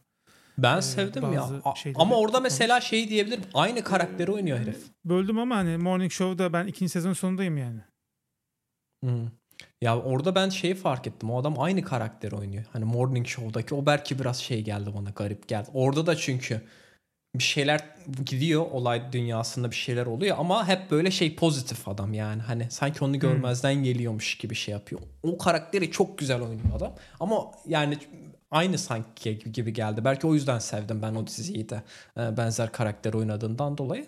E, Onun dışında yani bir dizi seyrettim de ondan da bahsetsem bahsetmesem tam emin değilim. Bizim Christoph Waltz var ya onun Hmm. bir tane dizisi varmış Amazon Prime'da. Ee, Evet. Adını da unuttum Ajanlı şimdi. majanlı bir şey. Ee, şeye gidiyor. Kendisi bir danışman olarak oyun Consultant geliştiren işte danışman ya. Consult aynen doğru consultant Ee, oraya gidiyor. Yani şimdi o adamı da şimdi sadece adamı izlemek için izliyorsun yani hani açıkça söyleyeyim yani dizi konusuymuş şeymiş falan hikaye falan çok önemsemiyordum. Baktım Christoph Waltz var puanı falan da düşük onu da anlamadım niye Ee, ama yani ben çok şaş- şaşırdım yani ilk bölümünü seyrettim bölümün sonunda kaldım yani böyle hakikaten. Ee, kendisi executive prosedürlerinden bir tanesi sanırım. Kötü dizinin. anlamında mı söylüyorsun? iyi mi Ee, söylüyorsun anlamadım ya. İyi anlamında. Ha. Yani o, o anlamda şaşırttı beni. Çünkü ben de şey yani tahmin edebiliyorsam ne olacağını çok sevmiyorum hani dizileri ama burada mesela çok tahmin edemeyeceğim bir şey oldu. Ama ikinci bölümü seyretsem mi seyretmesem mi çok kararsız kaldım. Çünkü hani o artık ilk bölümden sanki nereye gideceğini tahmin edebiliyorsun gibi ama e, özellikle işte son kısmında olan şeylerden biraz böyle şey yaptım yani. E, sorgulamaya başladım. Hala izlemedim yani ikinci bölümü. Ama yani hakikaten gene Christoph Waltz yani oyunculuğu çok şahane bir aktör. Umarım en kısa zamanda harcanmaz. Bir olayım olayı çıkıp diye öyle çok harcanan ne yazık ki sevdiğim aktörler oldu. Kevin Spacey gibi. Ee, cancellandı daha sonra ne yazık ki. O da mesela bayağı taşıyordu House of Cards'ı. Ama onun dışında çok fazla e, izlediğim bir şey olmadı açıkçası. Ee, belki ilerleyen dönemlerde, ilerleyen Yok, haftalarda David Fincher'ın e, yeni e, seri katil. Adam bekliyor birisi iyi bir seri katil filmi çeksin diye. çek, çekmeyince adam çekiyor yani. Böyle bir adam. Ee, bakıyor yok yapabilen. Kendisi yapıyor. Yani Seven biliyorsunuz zaten başlı başına. Hmm, Ee, hmm. Zodiac. Şimdi bir tane daha yine benzer bir seri katil filmi geliyor. Ben o adam bu tarz Hmm. filmlerin hepsini seyrederim. Ee, Hmm. Onun da muhtemelen bir skandal Ya falan ben- çıkar. ama öldükten sonra falan çıkar muhtemelen David Fincher'ın. Ya umarım yani şimdi çıkmasın. Çünkü çok değişik bir şeye- kafa yani. Onun filmlerini seyrederken bu adam normal değili çok güzel algılıyorsun. O veriyor yani. o hissi Kesinlikle. Kesinlikle. Ya belki şeyi deneyeceğim. Ben e, bizim buradaki gittiğim sinemada sürekli e, İngilizce filmler veriyorlar hani e, Alman dublaj olmadan. O sinemada böyle sneak preview denilen bir olay var. E, bilmiyorum Türkiye'de de belki öyle bir sinema Ön gösterim. vardır. Ön gösterim yapıyorlar. Çok e, daha cüzi bir fiyat ödüyorsun. Normalde işte 11,5 euro falanken bir filmin fiyatı 6,5 euro ödüyorsun. Güzel kısmı bilmiyorsun hangi filme gittiğini Hmm. bir filme gidiyorsun. Daha önce gösterime girmemiş. Ee, benim tahminim bu daha çok şey için yapıyorlar. Ee, ucuz bir şekilde biz bunu gösterelim. Çünkü e, daha sonra feedback topluyorlar. Gösterimden sonra beğendiniz mi beğenmediniz mi? Muhtemelen orada işte Almanya'da kaç tane sinemaya verelim bu filmi? Bir de şeyde karar Hani gelen feedback'e göre. Streaming servise mi koyalım, sinemalara çıkartalım mı Ha. kararını da veriyorlar. Bir de şimdi o da, O da ya, olabilir muhtemelen. Aynen. Ee, o biraz benim ilgincime gitti. Çünkü artık ya şeyden sıkıldım abi yani. Sürekli aynı filmler çıkıyor. Bir de bazen nasıl diyeyim biliyorsun işte trailerını seyrediyorsun, açıyorsun, hikayesini oynuyorsun, şey yapıyorsun, eleştirilerini falan okuyorsun. Ya abi ya ben hani nasıl diyeyim hani random bir şekilde filme gideyim. Hiç belki hani bütçesi çok düşüktür. Şey, çünkü şey baktım yani daha önce gösterilmiş filmler böyle belki hani izlemem dediğim filmler bile olabiliyorken ama işte sen nasıl her oyunu deniyorsun ya abi çok böyle nasıl diyeyim ön yargısız bir şekilde. Ben de hani biraz öyle olsun istiyorum. Böyle gideyim bir fikrim olmasın bana çat diye filmi göstersin artık ne filmi ise. Çok iyi filmler de olabiliyor bu arada. Ee, büyük filmler de olabiliyor senin şansına tamamıyla. Ee, ona e, gitmeye başlayacağım muhtemelen. Ee, şu sıralarda baya benim programım da yoğun. İşte Almanca kursuna da başladım artık haftada iki gün Almanca kursuna gidiyorum. Bir, bir gün yüzme kursuna gidiyorum. Bir gün de podcast kaydediyoruz. Çok bir zamanım kalmadı ama bir yandan şeye de başlamak istiyorum. Boulderinge de başlamak istiyorum. Ee, artık biraz daha aktif olma e, gerektiğini düşünüyorum. Çok fazla bilgisayar başında zaman geçirdikten sonra. Ondan da fırsat bulabilirsem artık e, bu sinemaya gidip işte Hmm. rastgele hiç adını bilmeden film seyretmek istiyorum. Bu sayede hem daha böyle belki e, çok bilinen filmlerden değil de Ama bazen çok kötü Ee, filmler çıkıyor ya. az bilinen. Ya e- en kötü şey yarısında çıktım derim ekşiciler ya. çok fazla şey yapmam yani kalmam. Ama ben, ben- şey yapmam ya böyle hep nasıl diyeyim e, optimist yaklaşıyorum genelde. Ya belki ortasında falan kötü. Yani izlerim yani hani muhtemelen. Çünkü hani o günü artık hani iki saat kafada direkt şey yapınca kesince e, şey yapmak istemiyorsun artık yani. Zaten ayırmışsın iki saatini. Bir önemi yok artık yani ne, neyin göreceğini. Şansına iyi film gelirse belki e, keyif alarak izlersin. Eyvallah. Vallahi çok uzun zaman oldu sinemaya gitmeyeli. Ee, bakalım güzel bir şeyler. Killers of the Flower Moon falan gelecek işte. Ee, Mart'ta Aynen. Dune var. Hani Ya bir de bir de şeyde e, sinemada şey de yapıyorlar. O benim hoşuma gitti. Film Club diye Harry Potter'ın birinci ve ilk filmini göstertiyorlar. Türkiye'de de Dark Knight'ı göstertiyorlar. Abi çok hoş bir şey bence ya. Ben gitmek Çünkü istiyorum. Arkadaşları biraz film yok. ikna etmeye Film- film çalışıyorum. çıkmıyor ki. A- a- aynen.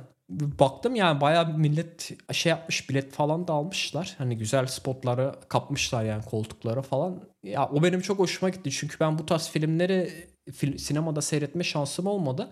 Bir de işin güzel yanı hani filmleri bildiğin için atıyorum sinemanın hani o kötü deneyimi çok seni etkilemiyor. Çünkü biliyorsun hani ne olacağını falan. Daha daha böyle hani keyif almaya gidiyorsun. Daha hani olumlu yaklaşıyorsun o tarz durumlara. Ee, o benim hoşuma gitti ama bilet, bilet fiyatını ben biraz daha ucuz beklerdim açıkçası. Sanki normal film fiyatına biraz yakın yapmışlar. Hmm. Ama yani hani Harry Potter'ı işte felsefe taşını sinemada seyretmek Ben mesela. sinemada seyretmiştim. Ee, ve ben işte evde DVD Yüzüklerin kiralamıştık biz. de Harry Potter 1 Onu da veriyorlar. 2'den Dark Yo, hepsini evet. Harry Potter'ın da hepsini. 5 hariç. 5'i bilerek atladım biliyorsun. ee, hepsini sinemada seyrettim.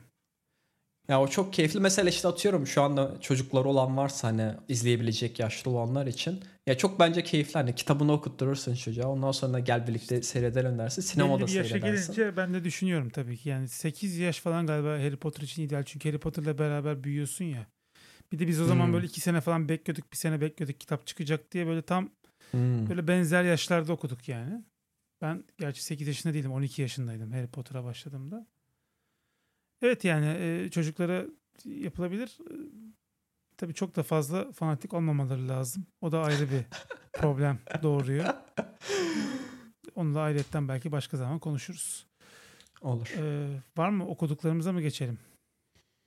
Aynen okuduklarımızdan ben kısaca bahsedeyim. Çünkü aynı kitapları okuyorum. Şeyi bitirdim tabii. Cold Start Problem'i bitirdim. Ee, ona Bitire- ben güzel de bir Goodreads'te Bitirebildin mi? yorum da yazdım. Ya uğra- zor zor Ben zor kendimi çünkü. zorladım gerçekten. Ben kendim ben anladım yani açıkçası sen e, daha önce bahsettiğinde yani niye bitiremediğini.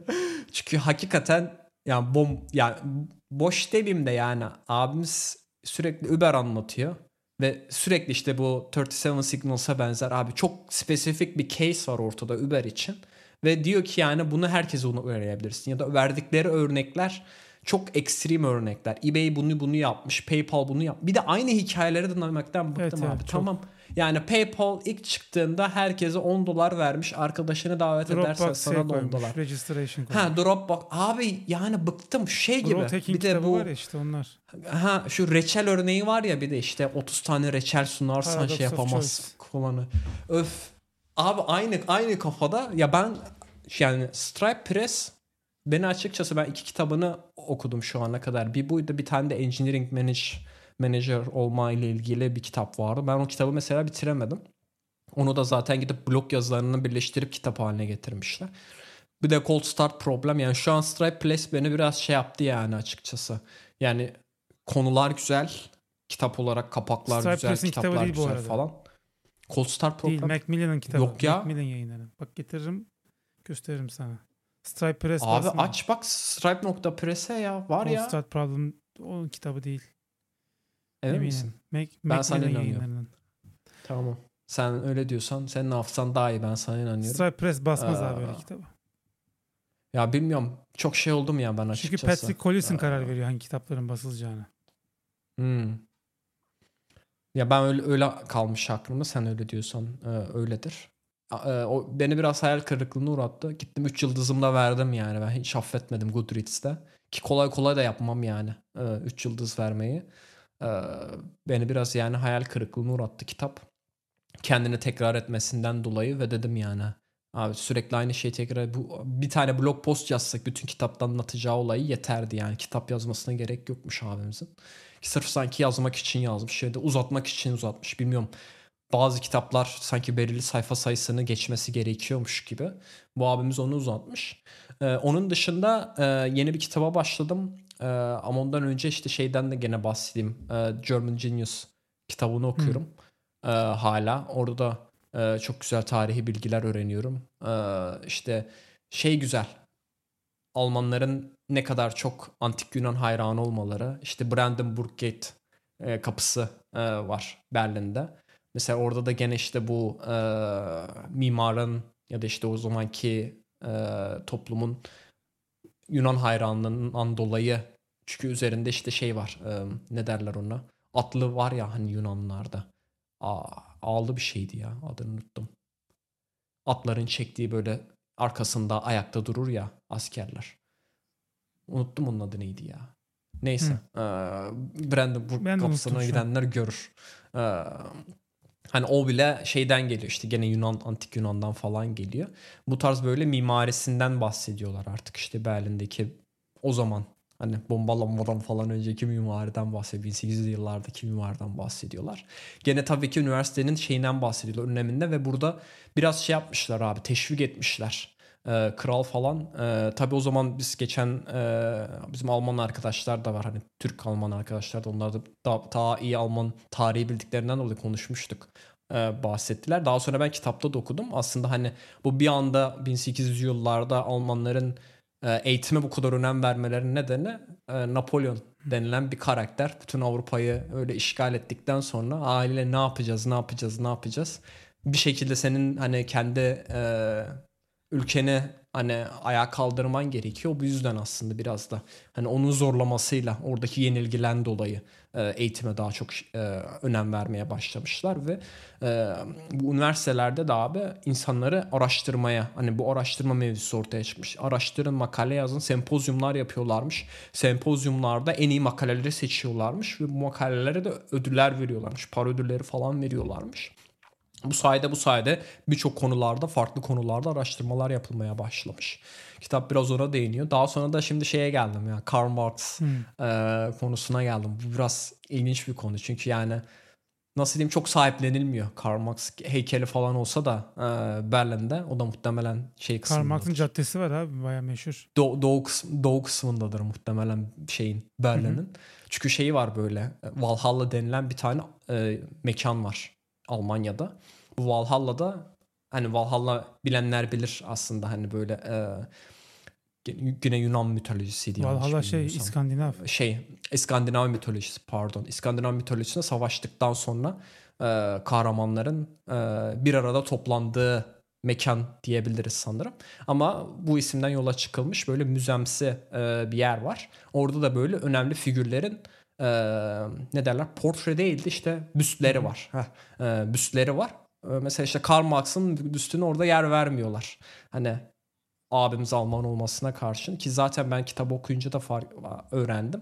Daha önceden bilmiyordum. Almanya'dan sürgün edilmiş, Fransa'dan da sürgün edilmiş. O yüzden İngiltere'de aslında Hı. hani e, yaptığı çalışmaları yayınlamış. Ee, bayağı da ilginç bir karaktermiş. Ben bilmiyordum yani işte hizmetçisiyle birlikte olmuş, oradan çocuğu olmuş falan böyle.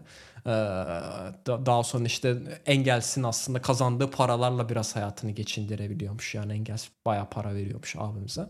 Ee, bazı bahsettiği işte kitaptaki işte hani kendi manifestosunda bahsettiği çoğu şey aslında şu anda hani uygulamada olan şeylermiş. Yani hani o komünizm kısmı değildi işte daha bu yani işçilerin haklarının olması vesaire gibi. Ne bileyim atıyorum şu an aklıma gelmiyor. Tazminatının olması vesaire hani tazminat ödenmesi belirli bir şey gibi. Hani bu tarz şeyler ya da işte sağlık sigortası vesaire falan olması gibi şeyler. Hala hazırda hani o zamanlar ekstrem olarak gözükse de hani şu anda bazı şeyler hala hazırda uygulamada olan e, şeylermiş. Bu tarz şeyler öğrendim. Yani ben çok e, o taraflarda değildim ama e, hani komünizm vesaire konularında çok fazla okuma yapmadım. Ee, ama işte kitapta oraya denk geldi artık yani Karl Marx'ın kısmını anlatıyordu. O sayede biraz daha bilgilenmiş oldum. Ee, bunun dışında yeni bir kitaba başladım. Ben bu kitaba e, iki hafta önce artık şey Berlin e, yolculuğumda başlamıştım trende okuyorken. Trende zaman geçirirken okumuştum. Super Intelligent diye. Nick, yani Nick Bostrom denilen bir tane abimizin. Bu çok saygın bir abimiz. E, yapay zeka alanında çalışmalar üreten. Kitabı zaten Elon Musk'a tavsiye ediyor. Bill Gates'e tavsiye ediyor. Yani e, hani o seviyedeki insanların bile ufkunu açan bir kitap. Hani ondan dolayı öyle bahsettim. Ee, kitapta da çok güzel giriş yapıyor ve kitap şu anda değil de 2014 ya da 2016 yılı yanlış hatırlamıyorsam o yıllarda yazılmış bir kitap ve haliyle hani şu andaki hype bak çok fazla önemsemiyor hani.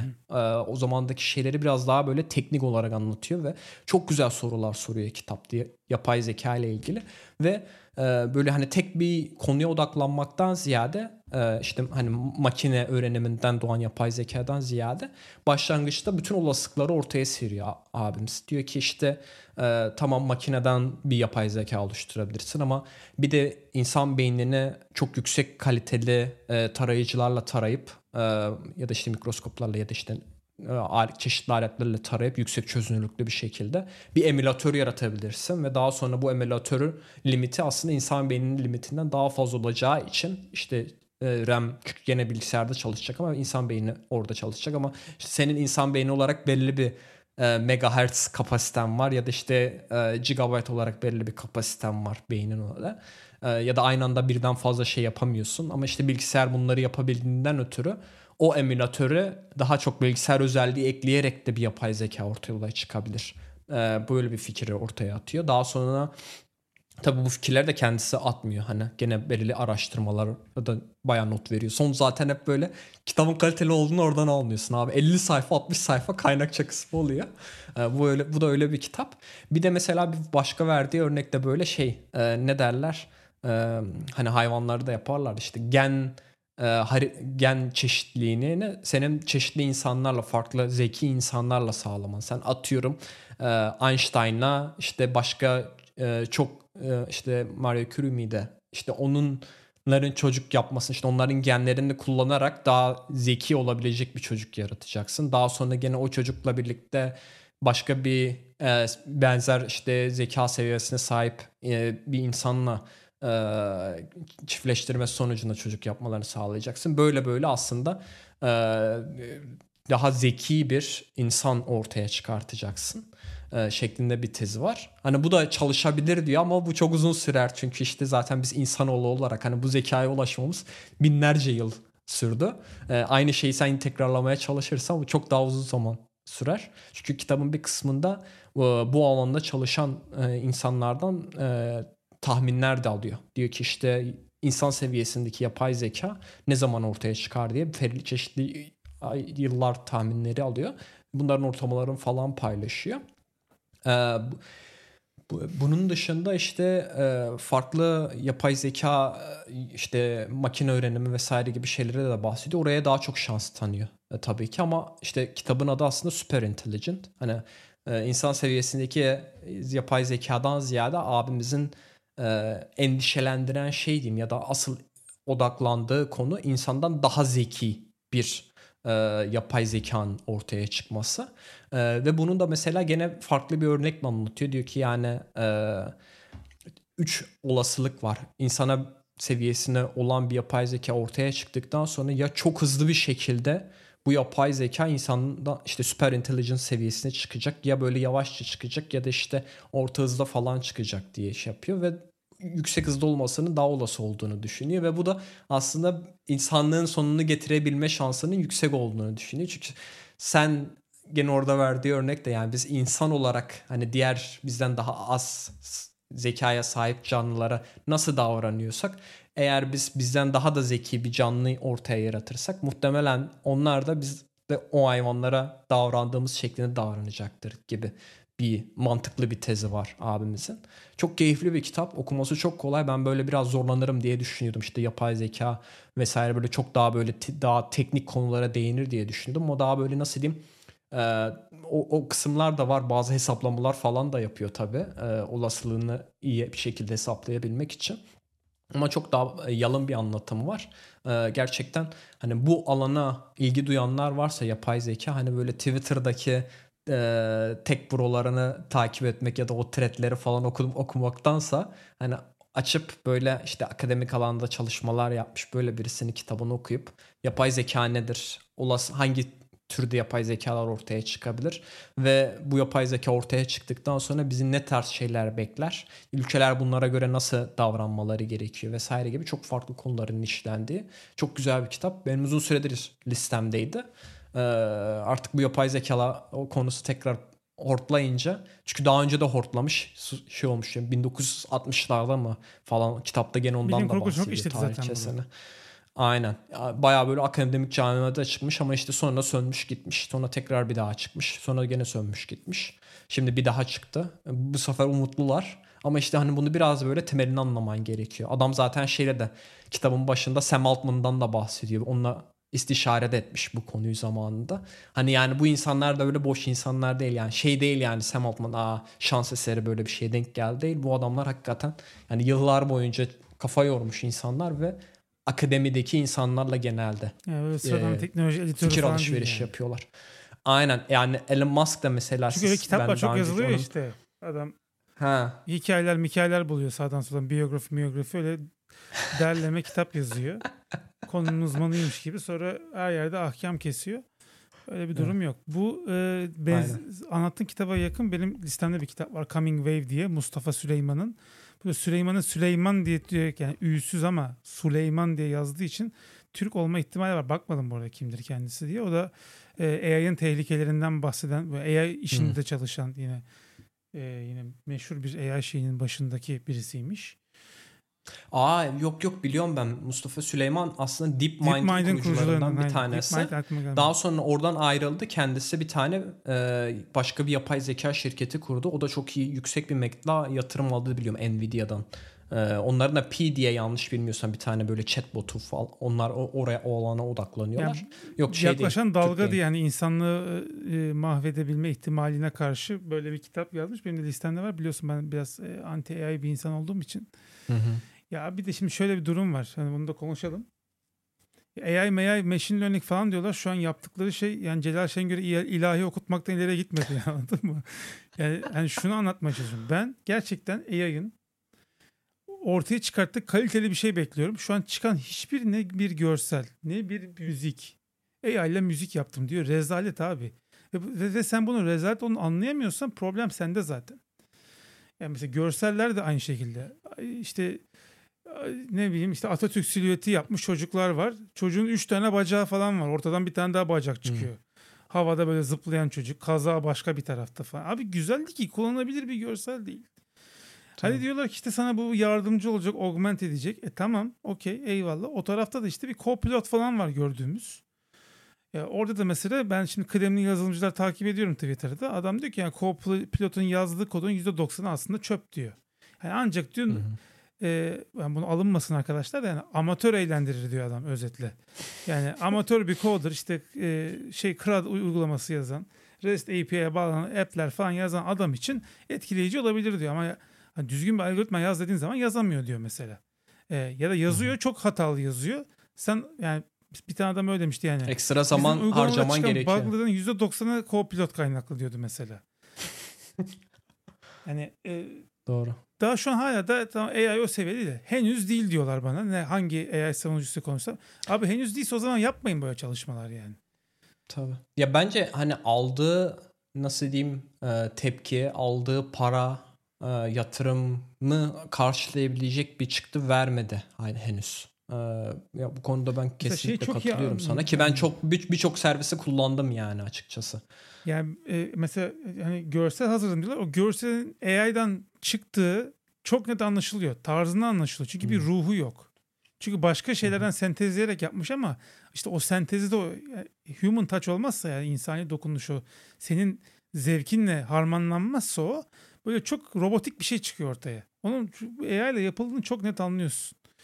Ya Kesinlikle. bir de mesela dün şey çıktı işte Jennifer Lawrence, Scarlett Johansson falan gördün mü Twitter'da? Yok. Yan yana fotoğrafları çıktı. Millet onu gerçek zannetmiş. Abi öyle bir fizik yok ki dünyada yani. yani onun AI ile olduğu belli mesela. mesela. Onu anlamıyor insanlar. Demek ki insanlarda şey yok. Yani gördüğü görselin dandik olduğunu anlama yok. Mesela AI'da da yok bu bu arada. Yani AI hmm. bir şey çıkartıyor diyor ki sana diyor 8 tane imaj yaptım. Bunun arasından seç diyor. Çünkü eğer şeyi bilemiyor. Bir şey iyi olup olamadığını bilemiyor. Tamam. Bilemediği noktada da abi ben o zaman yani şu an machine learning'den ileri gitmedik. Yani biz bir şeyleri anlatıyoruz bilgisayara. Bak böyle böyle böyle görseller var. Bunların renklerini değiştirdim, stillerini değiştirdim. Bunlar var. Ha tamam abi diyor. Sonra da diyorsun ki bana şunu şunu şunu getir. Senin daha önceden öğrettiğin şeylerden bir şey çıkarıyor. Ama ben bunu tam olarak yapay zeka yani senin bahsettiğin gibi yani insan beyni şeklinde çalışan ve aslında sentimental yani duygusal e, ruhani bir katmanı olan bir şey dönüşebileceğini hiçbir zaman düşünmüyorum. Ha, olabilir mi? Olabilir. Bilmiyorum tabii gelecek ne gösteriyor. Çünkü o benim sonuçta kıt beynimle düşündüğüm bir şey yani. Hı hı. Ya bu kitapta mesela bunun tanımını çok güzel yapıyor. Yapay zeka dediğin şey muhakeme yeteneği olan bir şey olması gerekiyor diyor. Evet. Yani ChatGPT muhakeme edemiyor. Yani sen mesela bir şey soruyorsun. Bu mesela yanlış diyorsun. Aa özür dilerim o zaman bu bu budur diyor. Bu da yanlış diyorum. Aa özür dilerim bu da budur. Halbuki doğru söylüyor mesela. Ama bunu anlamıyor. Doğrunun ne olduğunu bilmiyor yani muhakeme edemiyor. Sen mesela bir çocuğa bunu çok ufak yaştaki bir çocuğa bile söylesen bak bu atıyorum karedir bu üçgendir falan desen daha sonra desen ki kareye bak bu üçgendir desen çocuk hayır der. Çocuğa ne dersen de sen o çocuk kesinlikle onun hani üçgen olmadığını sana söyler. Çünkü çocuğun muhakeme yeteneği var. Onu bir kere öğrenmiş. Artık kendisi hani kafasına oturtturmuş ama ChatGPT'de böyle bir şey yok. ChatGPT dediğin şey sadece bir sonraki kelimeyi istatistiksel olarak tahmin etmeye çalışıyor. O yüzden sana böyle anlamlı şeyler çıkıyor. Ama işte muhakeme yeteneği olmayınca ortada bir zeka olmuyor. O yüzden mesela matematik vesaire gibi şeylerde sana yanlış sonuçlar veriyor. 2 artı 2 ne diyorsun? Sana 4 diyemiyor. Çünkü onu muhakeme edemiyor. Falan diyorsun. 2 artı 2 4 etmez diyor mesela. Ha, mesela bir çocuğa bunu söylesen sen der mi çocuk parmağıyla gösterir bak der yani iki tane burada iki parmak burada var dört ediyor der ya sen çocuğa istediğini söyle o çocuğu sen ikna yani, edemezsin yani aynen. iki artı şey konularına girmeyeceğim başka bir şey yani işte, yani işte bunun train edildiği dataya göre taraflı olabilir yapay zeka. Mesela controversial konular var. Ee, bir taraf A diyor bir taraf B diyor. Mesela dini konularda mesela bu çok var. Yani bu diyorsun mesela günah mı diyorsun. Bir grup alim günah diyor bir grup alim değil diyor. Ama işte o training'de Ha, hangi Ha, şey yükledin? Bir de şöyle Hangi diyor ki cevabı? günahtır diyor. Hani net bir sonuç veriyor sana. Ha, neye dayanarak dedin diye sorsan sana kaynağını gösteremiyor. E ben ne Kesinlikle. yapayım abi böyle bir şey yani. Aynı şekilde işte mesela İşte co-pilot için de söylüyorum. Mesela hep böyle bizi kalite, tamam ama mesela girdi ve çıktı kalitesi stabil olmadığı müddetçe mesela adam atıyorum işte şey yapıyor makine kullanıyor. Yapay zeka ile o makineyi nasıl kullanacağına dair direktifler alıyor. Direktifi bir yanlış verse mesela kaliteli malzemeyi ortadan ikiye harcadı mesela. Ne yapacaksın abi? Kesinlikle. Verebilir bu arada. Yani yüzde yüz tutarlı bir sonuç veremediği müddetçe bak şimdi diyecekler ki henüz veremiyor. Abi o zaman verdiği zaman gelin bana. Şu an Twitter'ın anasını tö- tövbe estağfurullah bellediniz yani. Bütün her şey AI tool'lar bilmem neler vesaire. O zaman düzgün olduğuna gelin. Bak VR'da da mesela bunu söylüyordum ben. VR gelecek abi. Abi tamam gelecek de yani bu düzgün çalışır halinde benim kafama tak ki ben etkileneyim. Tamam. Bana taktığın şey ellerim titriyor. Bir şeyi dokunduramıyorum. Basıyorum tuşa işlemiyor. görüntü sallanıyor falan. Abi bu gelecek diyorsun bana. Ulan bu gelecek değil işte yani.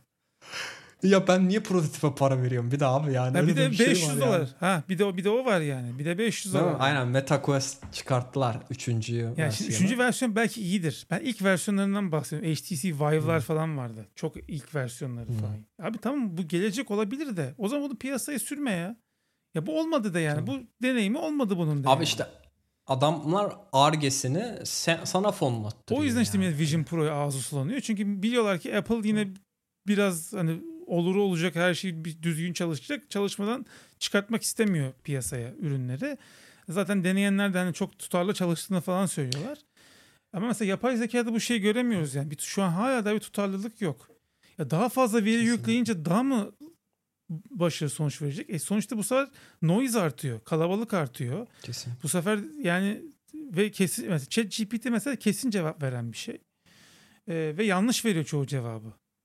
Ya budur diyor. Tamam. Sen de aa öyleymiş falan ve yapay zekaya sordum bana öyle dedi diyorsun. Ama öyle değil. Mesela şey falan diyorlar yani hakikaten aklım almıyor yani. Adam diyor ki ChatGPT diyor bir uygulama tarif ettim. Bana diyor uygulamayı diyor yazdı diyor. Yazdığı uygulama bir tane text field var altında bir tane buton var. Ya da işte, işte bir şey çizdim diyor bana diyor onu yaptı diyor. Tamam mı? Yaptı da abi yazılım o değil ki. Yazılım böyle bir şey değil ki. Yani onun lojiğini zaten yazabilmesi lazım. Henüz değil ama ileride yazacak diyecekler. Abi ileride yazdığı zaman gelin bana. Ya bu bu kadar yangın Tamam. olmasını ben hala da anlayabilmiş değilim yani. Evet yani teknolojik olarak kağıt üzerinde ilgi çekici bir teknoloji. Mesela blockchain de öyleydi ama kullanamadın abi gerçek dünyada. 3-5 tane yerde Tamam. kullanılıyor başarılı olarak. Ama yangın çıktı abi 5 sene millet bütün mal varlığını falan bu sistemlere gömdü yani. Kredi Ha, çeken. yani evini satıp intihar eden oldu yani. Bitcoin düşünce adam evi satmış Bitcoin'e yatırmış.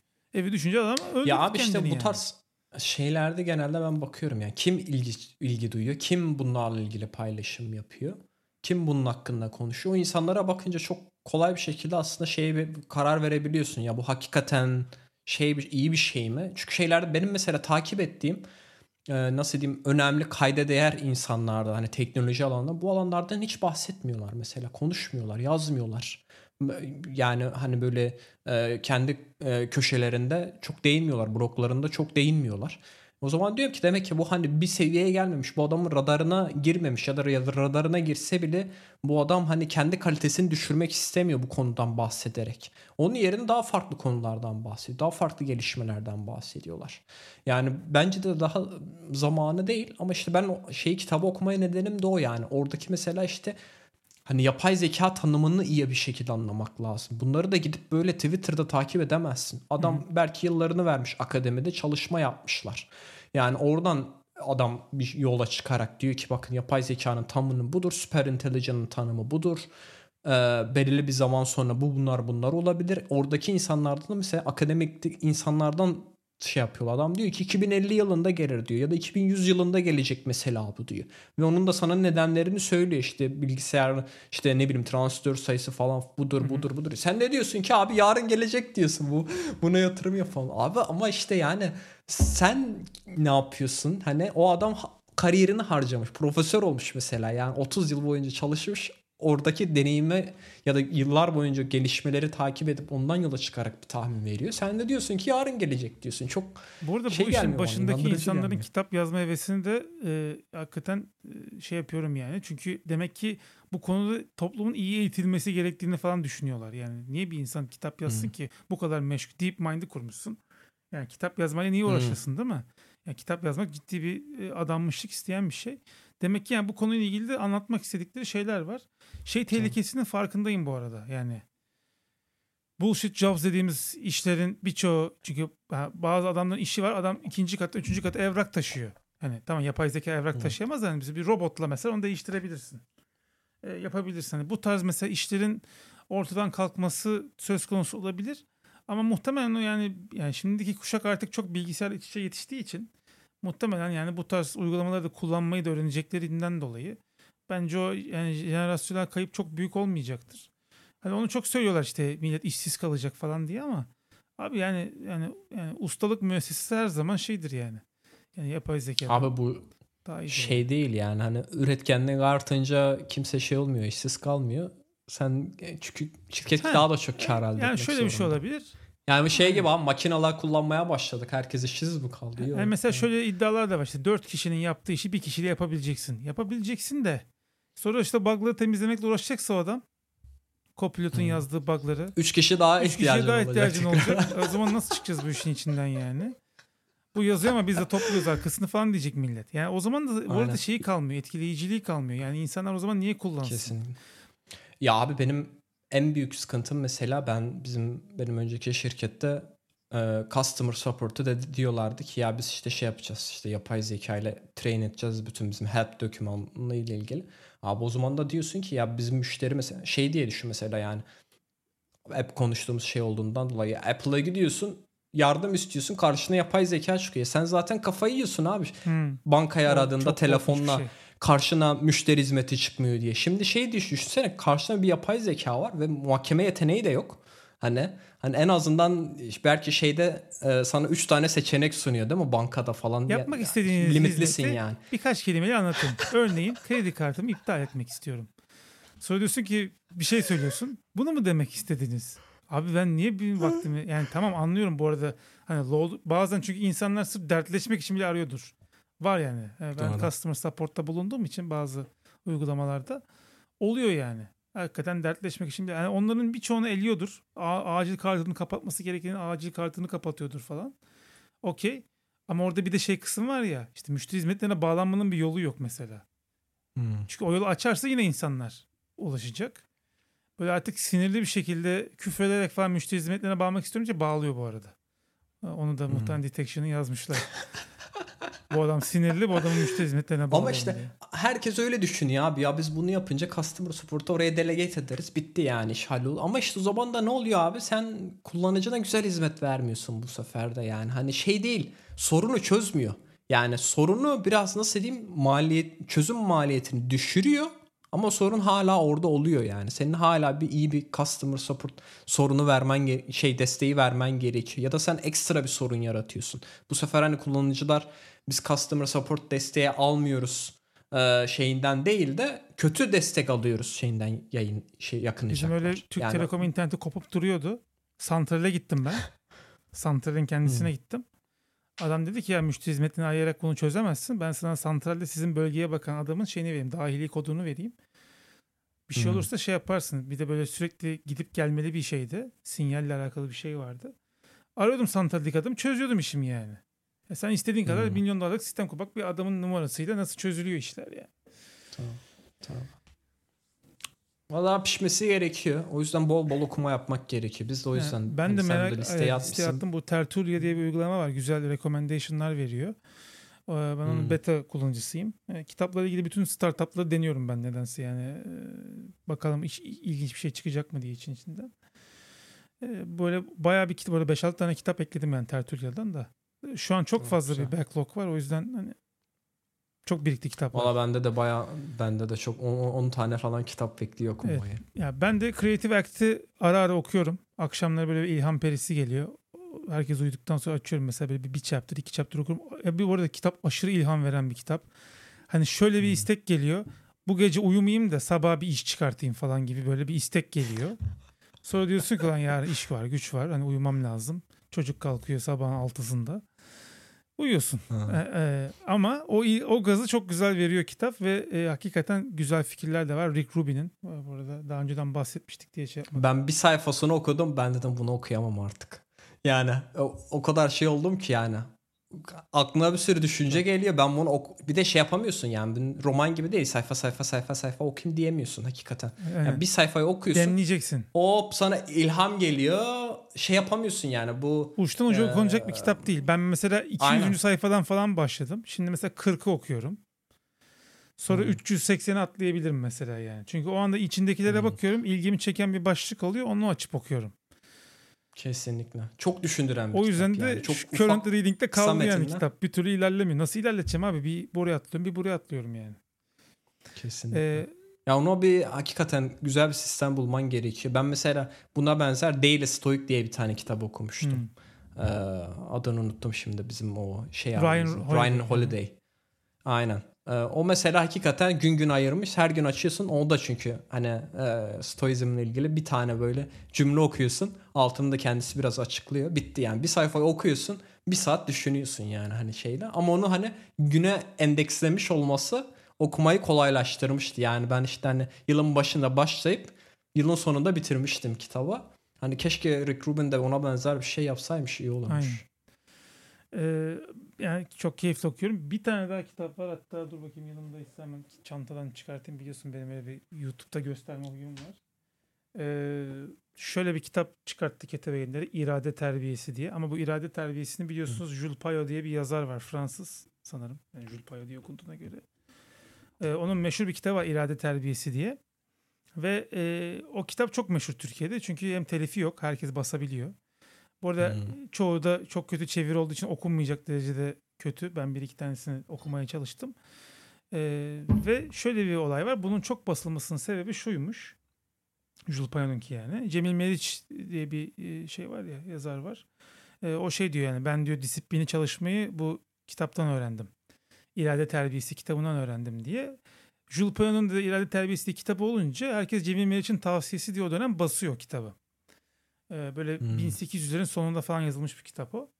Sonradan işte bu konuyla ilgili böyle tez yazan ya da araştırma yapan birisi şeyi fark ediyor. Aslında Cemil Meriç'in bahsettiği e, başka bir irade terbiyesi. Terbiyeye iyi irade diye e, bir kitap. E, Osmanlılı bir doktorun yazdığı Doktor İbrahim Ethem Bakar diye bir doktorun yazdığı bir kitap. Aslında o kitap da yani bahsedilen kitabın e, olayı da şu. E, Jules Payot'un irade terbiyesinin üzerine oradaki fikirlerin de bir kısmı zaten Jules Payot'un fikirleri bunlar diye işaretlemiş yani onları kitapta. Hmm. E, yazıyor yani onun alıntılar var. E, ona ek olarak başka psikoloji kitapları yazan e, özellikle Fransız ağırlıklı Fransızcası iyiydi herhalde doktorun E, ve Fransız filozoflardan falan da alıntı yaparak böyle kendisi e, yeni bir kitap yazmış. Yani bir tercüme gibi değil de yepyeni bir kitap olarak yazmış.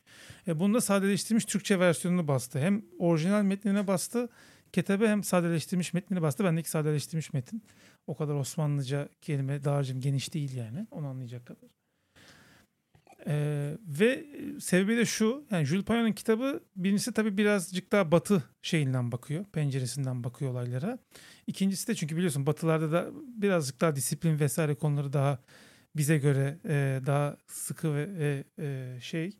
E, gerçi- Protestanlıktan kaynaklanan aynen, bir şey aynen. Aynen. Ee, gerçi Fransızları ne kadar disiplin onu da bilemiyorum da. Neyse. E, Fransızca yazar. O yüzden dedim. Ee, bir de tabii e, Jules Payot üniversite öğrencilerine yönelik yazmış bunu kitabı. Üniversite öğrencilerini hedefleyerek yazmış yani kitapta. Hı hı. Hep onlara yönelik nasihatler nasihatler var. Bu daha genel yani hem gençlerin okuyup da bir şeyler kapabileceği hem yaşlıların vesaire e, kapabileceği bir şey ve hakikaten hani irade nedirden başlıyor ve Ben yarısında falanım kitabın. İrade nedirden başlıyor, bunun neden olduğunu anlatıyor. Bir insan bir şeyi davranışa dönüştürürken beyinde ne gibi aşamalardan geçiyor. Yani ve bu sen hangi noktada irade koyup o davranışı değiştir. Yani o davranışı etkileyen ve tetikleyen e, faktörler nelerdir? İşte çevresel faktörlerden bahsediyor. Zaman kısıtlaması vesaire gibi şeylerden. Önce onlardan bahsediyor. Daha sonradan pratik uygulanabilir şeylere geçiyor. Yani iki kitap bu tek kitap gibi yapmışlar. First book, second book diye zaten ayrı, ayrılıyor yani ikisi. Ee, böyle bir kitap. Ee, ben çok beğendim kitabı. Ben Jules Verne'in kitabını okuyamamıştım. Çok kötü çevirilere denk geldim. Ee, bir de çok böyle şey diyorlardı. Kendini çok tekrar eden bir kitap diyorlardı. Bundan henüz öyle bir tekrar görmedim. İlgimi çeken bir konu şu oldu. Ön sözünde kitabın yazar şunu diyor. Ya bu şimdiki gençler hep memur olmak istiyor. Memur olmakla ne var falan diyor. Ulan şimdi de öyle. Yani ben nasıl bir şey, şey anlamadım. Yani Osmanlı'da da demek ki devlet memuru olmak çok önemli bir şeymiş. Hmm. Ee, şimdi de öyle yani. Yani yani şey konusu da var yani hep gençlerden şikayet etmiş insan mesela 1900 yıllarda da bu gençlerin hali ne olacak çok kötü bir nesil falan diyorlarmış. Hala öyle diyoruz yani. Ee, gerçi şimdiki nesil hakikaten kötü de. yani Z kuşağından dinleyenler varsa kusura bakmasın onların şanssızlığı yani. Hakikaten hmm. çok tehlikeli bir dünyaya denk, denk geldiler. Özellikle ben dijital, ucuz kurtuldum vallahi. Dijital şeyler. Aynen ben de mesela 89 doğumluyum. Ee, tam böyle şey yani. Tam sonuyum 94. Evet Macintosh'ta falan doğdum eyvallah ama Macintosh'un o zaman yapab yani şu an ben Macintosh'u koysam önüne 15 dakika sonra bu ne deyip kalkıp gidersin başına. Yapacak bir şey yok ki. Yani 3-5 tane program var. İşte çizim mizim falan yapıyorsun. Ee, oyunlar o kadar iyi değil vesaire. Neyse e, güzel bir kitap yani irade terbiyesi. Zaten hemen daha çıktığı gibi 6. baskıya mı ne geçti yani. Bayağı da hızlı satan da bir kitap. Demek ki insanların irade terbiyesi ilgili sıkıntıları var yani. Onu da görmüş olduk. E, bu aralar bu tarz şeyler o yayın evi çok şey Buyul Çunkan'ı da işte onlar basıyorlardı. O da sosyal medyanın tehlikelerinden falan bahsediyor. Valla böyle yani işte e, bu tarz konularda okumaya devam böyle bir şey güzel bir kitaba da denk gelmiş oldum. Onu da tavsiye edeyim ek olarak. Mustafa Süleyman'ı da yani listemde olduğunu söyledim ama muhtemelen o da iyi bir kitaptır. Çünkü çok övülen de bir kitap. içindeki içerikler bayağı kaliteliymiş. Ee, zaten biz bölüm başına 3 kitap mı 4 kitap mı tavsiye ediyormuşuz. Öyle bir ortalamamız aynen. İstatistiğimiz var. O da ayrıyetten tabii şey yaptı. E, mutlu etti. Peki abi senin başka bahsetmek istediğin konular da vardı. Onlara da Var, değinelim mi e, istersen? Şu average user konusunu konuşuruz demiştik. E, burada bunu hoşlanmıyorsunuz ama e, belki vakit kalırsa konuşuruz. Yani bir buçuk saat biraz geçtik sanırım. E, bir oyun dünyasından biraz konuşacağız tabii mecbur. Her hafta bir şey oluyor çünkü. E, bu tabii. hafta baya baya bir şey oldu. Baya bir gündem var. Ama biraz kısa geçmeyi düşünüyorum. Birincisi Xbox'ın 2028'e kadar olan bütün planları sızdı.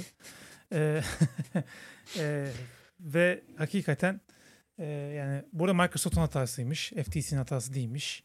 Microsoft'taki eleman yüklerken onu gizli belge olarak yüklemeyip de public belge olarak yüklemiş.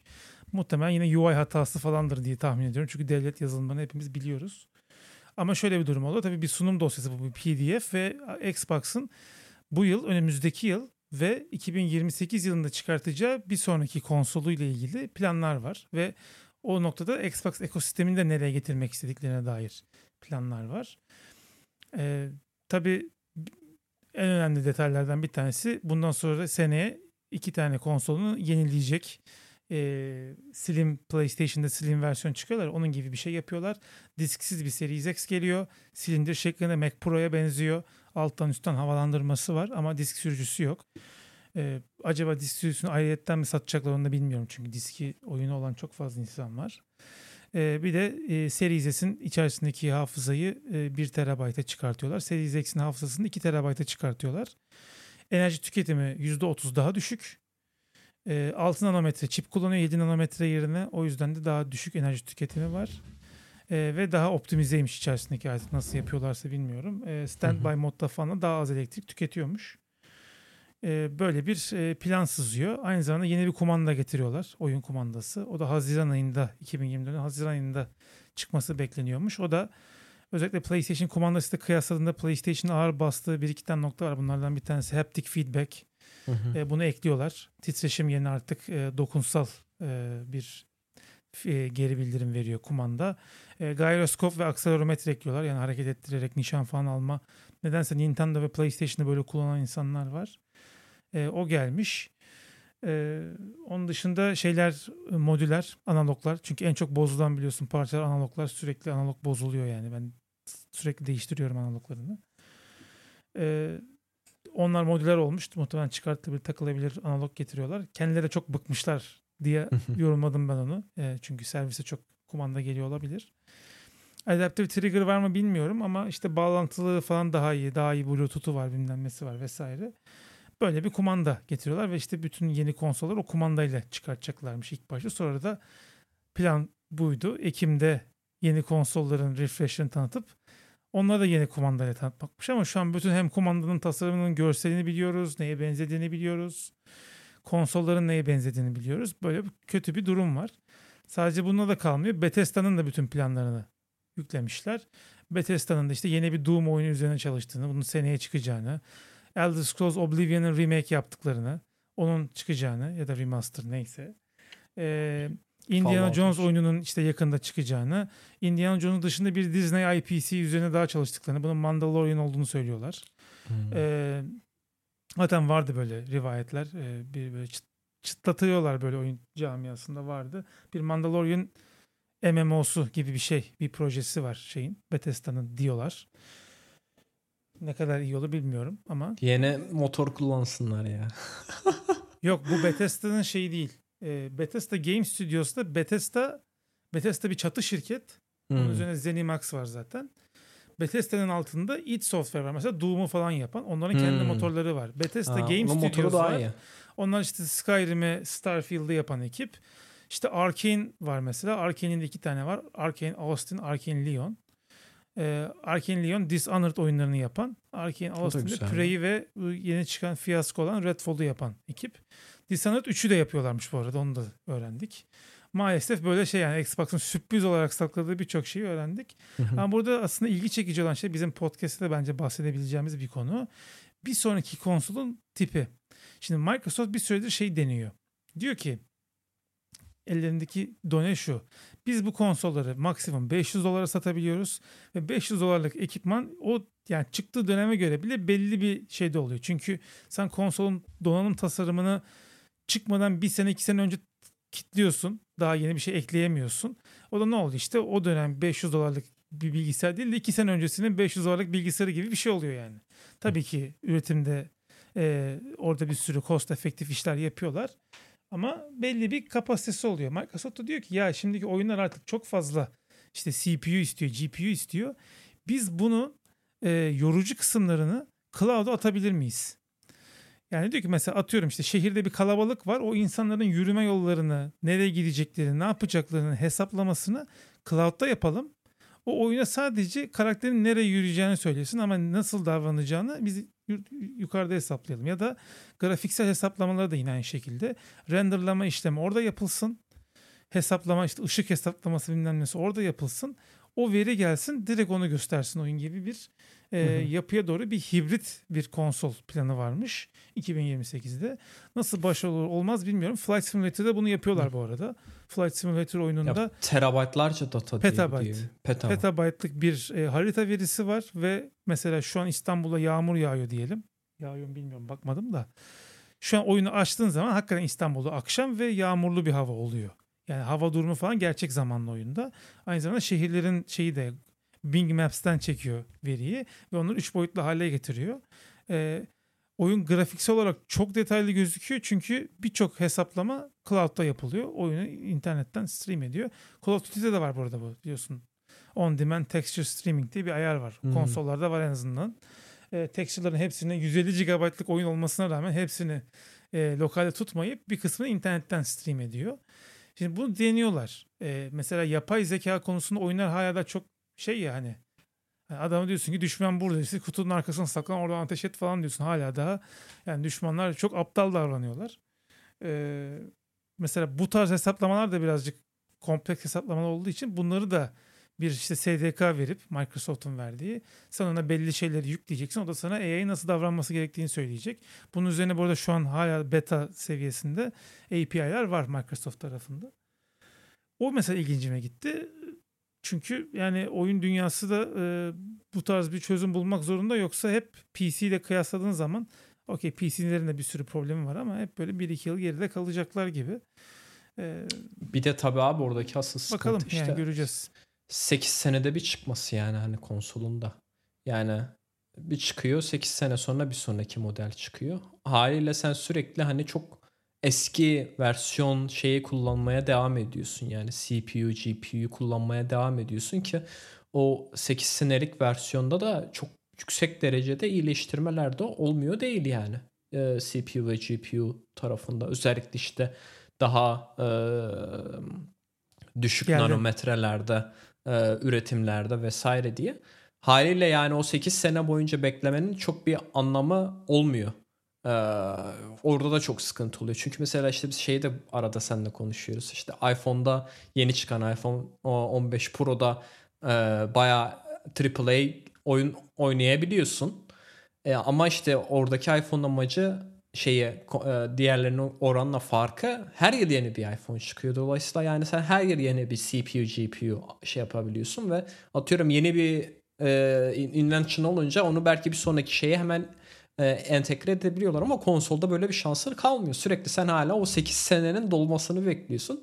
O da çok büyük sıkıntı yaratıyor ama işte senin dediğin gibi mesela e, cloud'da bir şey olunca çok, onun çok bir önemi kalmayacak. Çünkü hani sen cloud'daki donanımı upgrade edebilirsin istediğin kadar. Senin var olan donanım sadece işte hani stream tırnak içerisinde stream etmesi yeterli olacakmış gibi geliyor. Ee, bekleyip göreceğiz sonra. Burada şöyle bir handikap var ama işte bu kadar cloud dependent olması bir hem internet hızlarının hmm. çok iyi olması gerekiyor. İki bu servisler, bu serverlar kapandığında bu oyunlar oynanmaz hale geliyor. Şimdi sen bugün GTA 3'ün CD'sini takıp oynayabiliyorsun PC'de. Tamam. Eski Max Payne'leri oynayabiliyorsun. Şimdi internetten çekse o grafiği e, Microsoft server'ı kapattı. 20 sene geçti üzerinden. Nasıl oynayacağım mesela? Ee, hani bu tarz sorular getiriyor bu sefer. E, CD sürücüyü de kaldırıyorsun. Hani adam diski de saklayamıyor kütüphanesinde bir yerde. Hani böyle problemler var ama herhalde buraya doğru gidiyor. Zaten yani parayı da subscription'dan kazanıyorlar. E, şapka satıyor, çanta satıyor, loot box satıyor bilmem ne.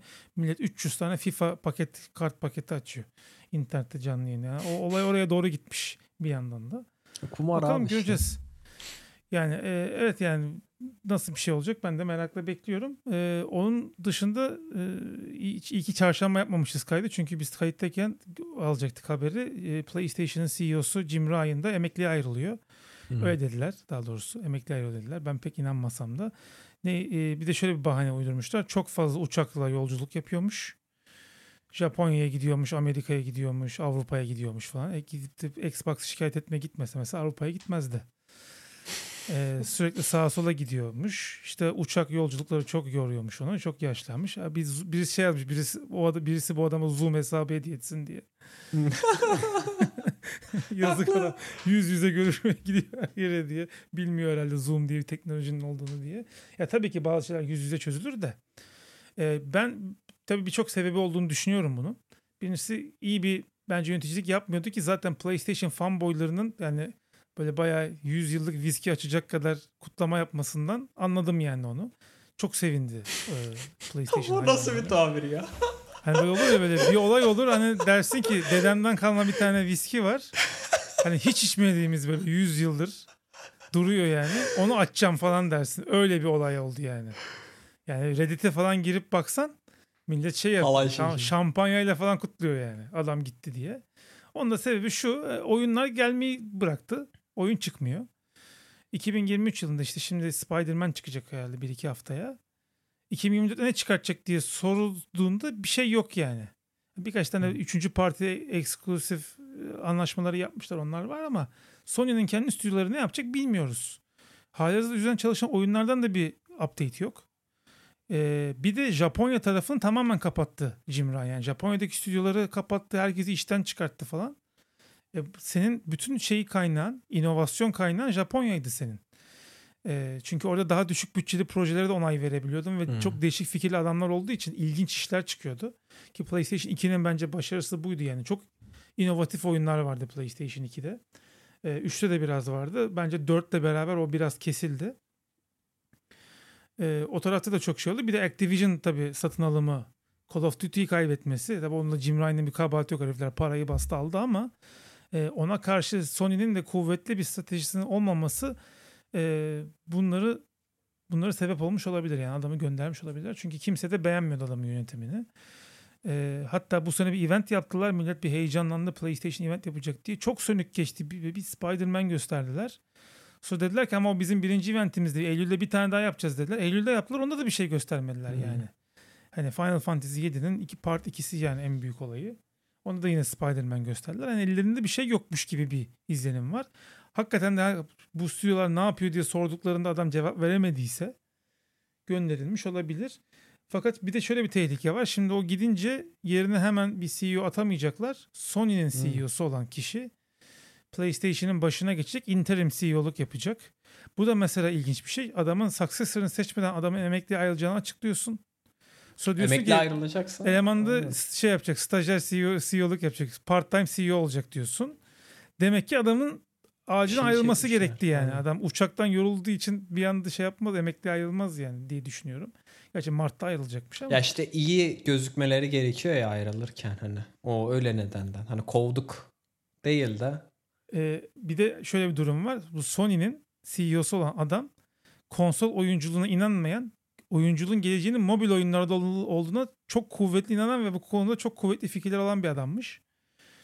Bir anda şey diyebilir yani bırakın abi God of War'u falan biz şey yapalım. iPhone Mo- mobil işte. iPhone oyun yapalım falan diyebilir. Yani demez muhtemelen çünkü çok ben... uzun yıllık stratejiler bunlar. Olur. Ama bence de yani Sony hep oyunlarının multiplayer oyunlara e, yani bütçenin %60'ını multiplayer ve live service oyunlara ayırdığı için şu an single player oyuna şeyleri yok. Ee, yani birkaç tane ana stüdyoları var. Onlar da oyunlarını da iki sene önce çıkarttılar. Ee, o zaman hemen başlasalar yani yine 5 sene falan sürüyor bir oyunun yapılması.